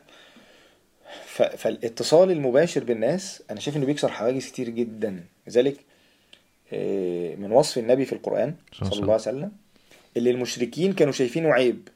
وأنا شايف إن ده سر قوة النبي صلى الله عليه وسلم. صلى الله عليه وسلم. يعني يعني المشركين بيقولوا على إنه عيب وأنا رأيي هو ده سر قوة النبي صلى الله عليه وسلم. قالوا ما لهذا الرسول يأكل الطعام ويمشي في ده صح جدا. يعني ده واحد زينا عارف يعني إيه يمشي في الأسواق؟ يعني بيروح يشتري وده بكام وكذا وده يتعرض يقول له عايش وسط الناس. وذلك في نفس السورة سورة الفرقان في ختام السورة وعباد الرحمن الذين يمشون على الأرض هون هو مش عايش في السماء هو عايش وسط الناس. فدورنا دور كل واحد في الدين إن هو يطبق الدين في, حياته. هنجد إن الدين بينتشر لأن أنا أنا عارف مشاكل صاحبي وعارف إزاي أوصلها له. وفكرة التصور إيه، أنا عجبني كلمة أنت قلتها قوي التأقلم السريع. أنا محتاج أتأقلم. يعني الصحابة كنت لسه بسمع كلمة جميلة ال- على الفيس إيه اسمه اخونا إسماعيل عرفة. عامل مقطع عن إن أول رمضان اتفرض على الصحابة فرضت فرضت غزوة بدر. فطلع يجاهد واضطر إنه أحيانا إنه يفطر. بس هو مم. تأقلم يعني هو عمل حاجة اسمها الجهاد أعلى. فمش كل بقى ما يحصل لنا أزمة رمضان ضاع يا نهار أبيض. في ناس كده. بتحب قوي الجو ده. يعني يعني. في ناس بتحب جو إيه؟ مفيش أمل رمضان انتهى يا جماعة المساجد خلاص يعني في ناس بتحب تعيش ده فترة طويلة. طب ما خلاص يعني ماشي المساجد إحنا زعلانين فعلا. طب يعني ممكن نعمل إيه؟ لا لا مش هينفع نعمل حاجة. أيوه يعني عارف أنت يعني إيه؟ أنا ببكي على القدس. طب بعد ما بتبكي على القدس يعني يعني ما هو يعني اليهود مش بيخافوا من الدموع. يعني ما أنت محتاجين. نعمل حاجة. فجو الصعبانة الزائد قوي بيخلي حالة من الشلل. خد بالك لأن ده أصلا حاجة نفسية. أنا بحس إن أنا فضيت طاقتي. صح. يعني أنا خلاص فرغت الطاقة اللي جوايا في الإيه. إيه أنت عملت إيه؟ أنا زعلت جدا. يعني. يعني أيوه عملت إيه؟ أنت مش متخيل كمية الزعل اللي جوايا. مش طبيعية. أيوه ما إحنا يعني خلاص بعد ما زعلت جدا أنا عارف إنك زعلت جدا على المساجد. ها يعني إحنا بقى محتاجين يعني إيه؟ محتاجين بقى نعمل مكان في البيت. ساعة الأذان نقوم نصلي. هصلي جماعة. هقرأ عليهم في البيت. هجيب كتاب حديث بسيط جدا أسمعه. ما بعرفش أقرأ كتاب. هشغل هجيب درس وأشغل عشر دقايق ما بين الأربع ركعات والأربع ركعات. أه، هسمع صحابي في عشر دقايق. هسمع اسم من أسماء الله في عشر دقايق. كمية البرامج اللي معمولة من الدعاء مش طبيعية السنة دي بفضل الله. ما شاء الله. يعني أصلا قاعد متردد أسمع إيه؟ ما شاء الله لا كويس. قوه الا بالله مجهود رائع. ما شاء الله. دعاء عاملين مجهود جميل. لو أنا اخترت إن أنا هصلي مع أهلي في البيت وما بين الأربع ركعات والأربع ركعات هصلي بجزء عامة بس طول رمضان وهسمع بين الأربع ركعات والأربع ركعات درس وهصلي الفجر وبعد الفجر هشغل درس لا كمية اللي أصل خد بالك من رحمة ربنا زي ما بيضيق في حتت ربنا بيفتحها من حتت صحيح. يعني زي ما بيضيق علينا في ال ال الفتن واوا دلوقتي إيه، انت انت ممكن تسمع درس الشيخ مات من سنين بتسمعه مم. وبتسمع الدرس دلوقتي لايف وانت في بلد وهو في بلد. فربنا سبحانه وتعالى زي ما ضاقت في أماكن وسعها لنا في أماكن سبحانه وتعالى. ف لأن ربنا رحيم. ال- ال- البلاء بينزل ومعه اللطف. ربنا سبحانه وتعالى بيلطف بيه سبحان الله. أنا شكلي طولت عليك يا حازم. لا لا لا خالص أنا ما عنديش مشكلة. أنت أنت عندك حاجة الساعة واحدة قلت صح؟ عندي درس آه. أوكي. آه طيب يعني مش مش هطول عليك أكتر من كده. كنت عايز أسألك عن ال عن عن القرآن مثلا و و وإيه أحسن طريقة أبتدي بيها في في- رمضان؟ لو عندك وقت تجاوب هتبقى حاجة ممتازة يعني. طيب عشان الكلام يبقى عملي وسريع مم. أنا ممكن أعمل أحيل على حاجات. يعني حلو قوي الناس تسمع. ماشي؟ okay. إيه، إحنا بفضل الله عاملين موقع اسمه إنه القرآن. مم. الموقع هو كان صفحة فيسبوك وبعدين عملنا موقع site يعني الناس تدخل عليه. هتلاقي في حاجة اسمها مساقات. مساقات دي أشبه بيه كورسات يعني صغيرة. خلاص؟ كل كورس آه، وكل مساق آه، مثلا ست محاضرات عشر محاضرات حسب حاجات صغيرة. في منهم كورس أو في مساق فيهم اسمه تدبر القرآن تشويق وتطبيق. اللي الفكرة اللي أنا مؤمن بيها إن أنا أشوق الناس وبعدين أدوق الناس. حلو. اللي عنده فرصة إنه ياخد الشهر كله في الاشتراك في المساق ده رائع. آه، في ثلاث محاضرات. كل محاضرة تلت ساعة سلسلة بعنوان رمضان والقرآن. دي برضو موجودة بفضل الله موجودة على اليوتيوب. ممكن الناس تسمع الثلاث محاضرات دول. آه، الكلام العملي آه، كان في أظن محاضرة برضو على الساوند كلاود خطوات عملية لمعايشة القرآن في رمضان. مم. الكلام العملي الخلاصة اختار حاجة واحدة بس يعني اختار حاجة واحدة. إيه لو أنا هقرأ إيه قرآن ومعاه تفسير جنبه صغير خالص اسمه مثلا المختصر في التفسير أو الميسر في التفسير الاتنين دول حلوين الميسر أو المختصر. جميل. إيه أو إن أنا مثلا هسمع تفسير سورة واحدة. يعني هنقي مثلا شيخ أو كده شارح سورة زي سورة يوسف سورة الأنعام سورة معينة وطول رمضان هنا إيه؟ هنقنق فيها كده. المهم بلاش أدخل مشتت. يعني بلاش إيه؟ عايز أختم عشر ختمات وعايز أسمع تفسير وعايز أقرأ وعايز أصلي كتير. بلاش تعمل كده. أنا عارف نفسي كويس وأنا مش هتحول. يعني أنا يعني أنا ماشي آه الشياطين بتصفد وإيماني بيزيد شوية بس أنا إيه؟ يعني أنا مش هيحصل لي مش هتحول يعني. أنا أنا عارف نفسي. كويس. فحط حط هدف و- وابدأ خليك عملي. هتقرأ قرآن إمتى؟ هتسمع الدروس إمتى؟ هتسمع سلسلة إيه؟ بلاش تشتت نفسك. بلاش تبقى مشغل ال- الحلقة على اللاب وحلقة على الموبايل وحلقة مش عارف إيه وقاعد. أنت صدقني أنت كده ما بتعملش أي حاجة. يعني بلاش يعني أنا قلت لك أنا مؤمن في حياتي إن القاعدة ما حدش بياخد كل حاجة. اختار حاجة واحدة وركز فيها وبلاش تبقى طماع هتقابل صاحبك بيقول لك أنت بتسمع دروس تفسير. يا عم ده أنا ختمت مرتين. ربنا يوفقك. ما- أنت ختمت مرتين وأنا بسمع تفسير. عادي جدا. مش لازم نبقى زي بعض. أنت قررت إنك أنت عايز تختم المصحف في رمضان وعايز تعمل ختمة واحدة بتركيز وهقرا جزء في اليوم. مالكش دعوة بقى باللي بيقرأ تفسير وبيقول لك ده أنا عايش مع كلام المفسرين. ماشي. هبقى عايش معاهم بعد رمضان. اختار اختيار واحد فقط عشان خاطري. عشان خاطري اختيار واحد بس. بلاش تشتت نفسك. أول يومين هتيجي تقرأ قرآن لو أنت حاطط في ذهنك إن في اختيار آخر هتقول إيه؟ طب ما أجرب. هجرب يوم أربعة رمضان أقرأ تفسير. يومين تفسير ده طلع مش زي ما أنا متخيل ده أنا كنت بحسب التفاسير دي. معناها إن هم هيفسحوني في ال- في البتاع. وهيطيروا والايمان والجو ده. طلع مش كده طلع في خناقات في التفسير أصلا وخلافات. لا يا عم رجعني. المصحف. أرجع المصحف أكو... يا عم هي ركز. ركز. في ناس تقول لك أنا أنا هحفظ البقرة في رمضان. وماله. مم. أنت يعني مقبل على ده ما عنديش مشكلة. حاجة واحدة كان في آه، حوار كده حصل بفضل الله اسمه آه، على مركز اسمه مركز تفسير. كان حوار برضو نعمل إيه في رمضان؟ آه، حوار كتابي لسه متزع... لسه منشور النهارده. لسه نشره على الفيسبوك.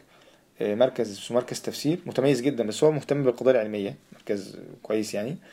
كان بيسأل برضو نستقبل رمضان إزاي نعمل فيه إيه إيه, تف... إيه مفهوم التدبر يعني إيه تدبر أصلا؟ وهل أي حد يتدبر؟ وينفع عوام الناس يتدبروا ولا ده ناس معينة هي اللي بتعرف تتدبر؟ حوار يعني ممكن الناس تقرأه. هي هو طويل شوية لأن أنا عارف إن إحنا أغلبنا بقى خلاص متعود على فكرة الإيه مم. ال- ال- البوست والتويتة والزتونة يعني هو عايز لأ عايزين في رمضان نغير من من طريقة نقرأ حاجة طويلة شوية نسمع درس طويل شوية.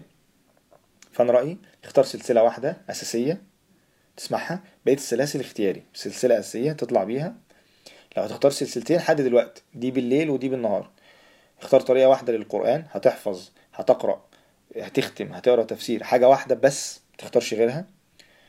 والباقي اختياري يعني ده اللي هو المقدس اللي أنا مش هنزل عنه. رقم ثلاثة صديق يساعدك لو هتفطر. هتصحوا بعض هتعملوا group هتعملوا بس ده اللي حاسس إن هو كلام عملي شوية يعني. nice حلو جدا. آه طيب آه مش هطول عليك أكتر من كده عشان أنا ما أعرفش أصلا هيبقى عندك طاقة تدي الدرس ده إزاي ما شاء الله. ربنا يعينك يعني. آه بس أنا اتبسطت جدا جدا جدا. ونفسي اقابلك إن شاء الله على الحقيقة قريب بإذن الله.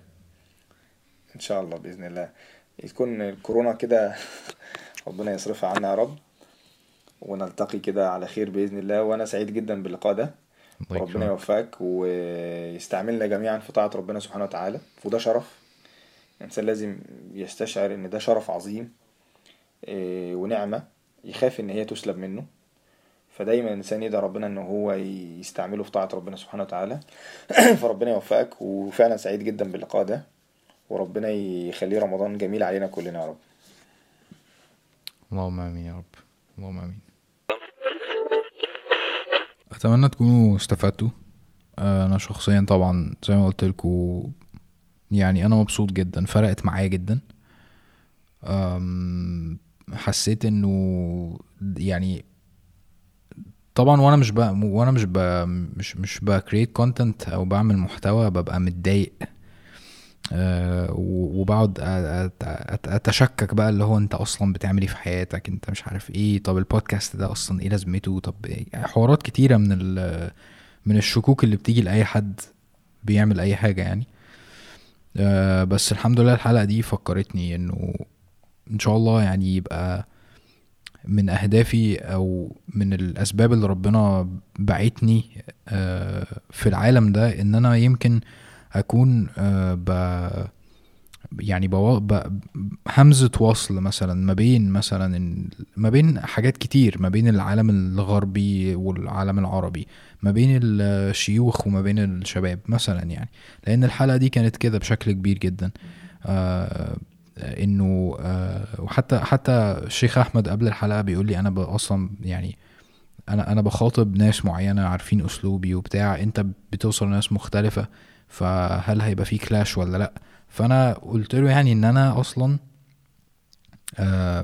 يعني أنا مش مش من مش طالب علم مثلا ويعني أنا أنا أنا من أنا بين البنين جدا يعني والتجربة الشخصية بتاعتي في إن أنا آه، أنا نفسي بحاول أتعرف على شيوخ علشان آه، آه، نكسر الحواجز والناس متابعة الرحلة ديت فبالتالي هم كمان هيتقبلوا جدا و وهي وهيحبوا الناس ال- طلبة العلم وهيحبوا الشيوخ علشان هيلاقوا جانب إنساني فيهم. هما ما كانوش متعودين يشوفوه. والبودكاست هو ممكن يبقى بلاتفورم لده جدا إنه حد يطلع يتكلم براحته خالص زي ما أنتوا شفتوا في الحلقة. كذا مرة آه، شيخ أحمد يقول لي يعني أتكلم براحتي ولا لأ؟ مش عارف إيه. فيعني آه، حسيت إنه ان هي كانت آه، يعني حلقة حلوة جدا تفكرني إنه إن شاء الله يبقى هو ده اللي أنا بعمله يعني. مش عايز أطول عليكم أكتر من كده كل سنة وأنتم طيبين. إن شاء الله يب- يبقى يعني رمضان جامد جدا عليكم بإذن الله. أنا متفائل جدا إن شاء الله ومتحمس و... وربنا سبحانه وتعالى هو اللي حطنا في الوضع ده وهو اللي يعلم بحالنا و... و... وهو ده الوقت اللي إحنا بقى إيه فعلا ن... نتنافس فيه عشان محدش شايف آه أنت قريت قد إيه ولا نزلت كام مرة ولا بتاع. يعني أنت بتنافس نفسك عارف لما بتلعب game على البلاي ستيشن بتلعب مع نفسك مش بتلعب اونلاين محدش شايف فانت خلاص انت بتركز على نفسك بس. فخلينا نعمل ده خلينا نركز خلينا نحط خطة زي ما الشيخ أحمد قال. و... آه، وإن شاء الله يعني ربنا يعني يزيح عننا ال... ال... ال... الأزمة العجيبة اللي إحنا فيها دي. سبحان الله. كل سنة وأنتم طيبين. وأشوفكم إن شاء الله قريب في الحلقة الجاية. السلام عليكم.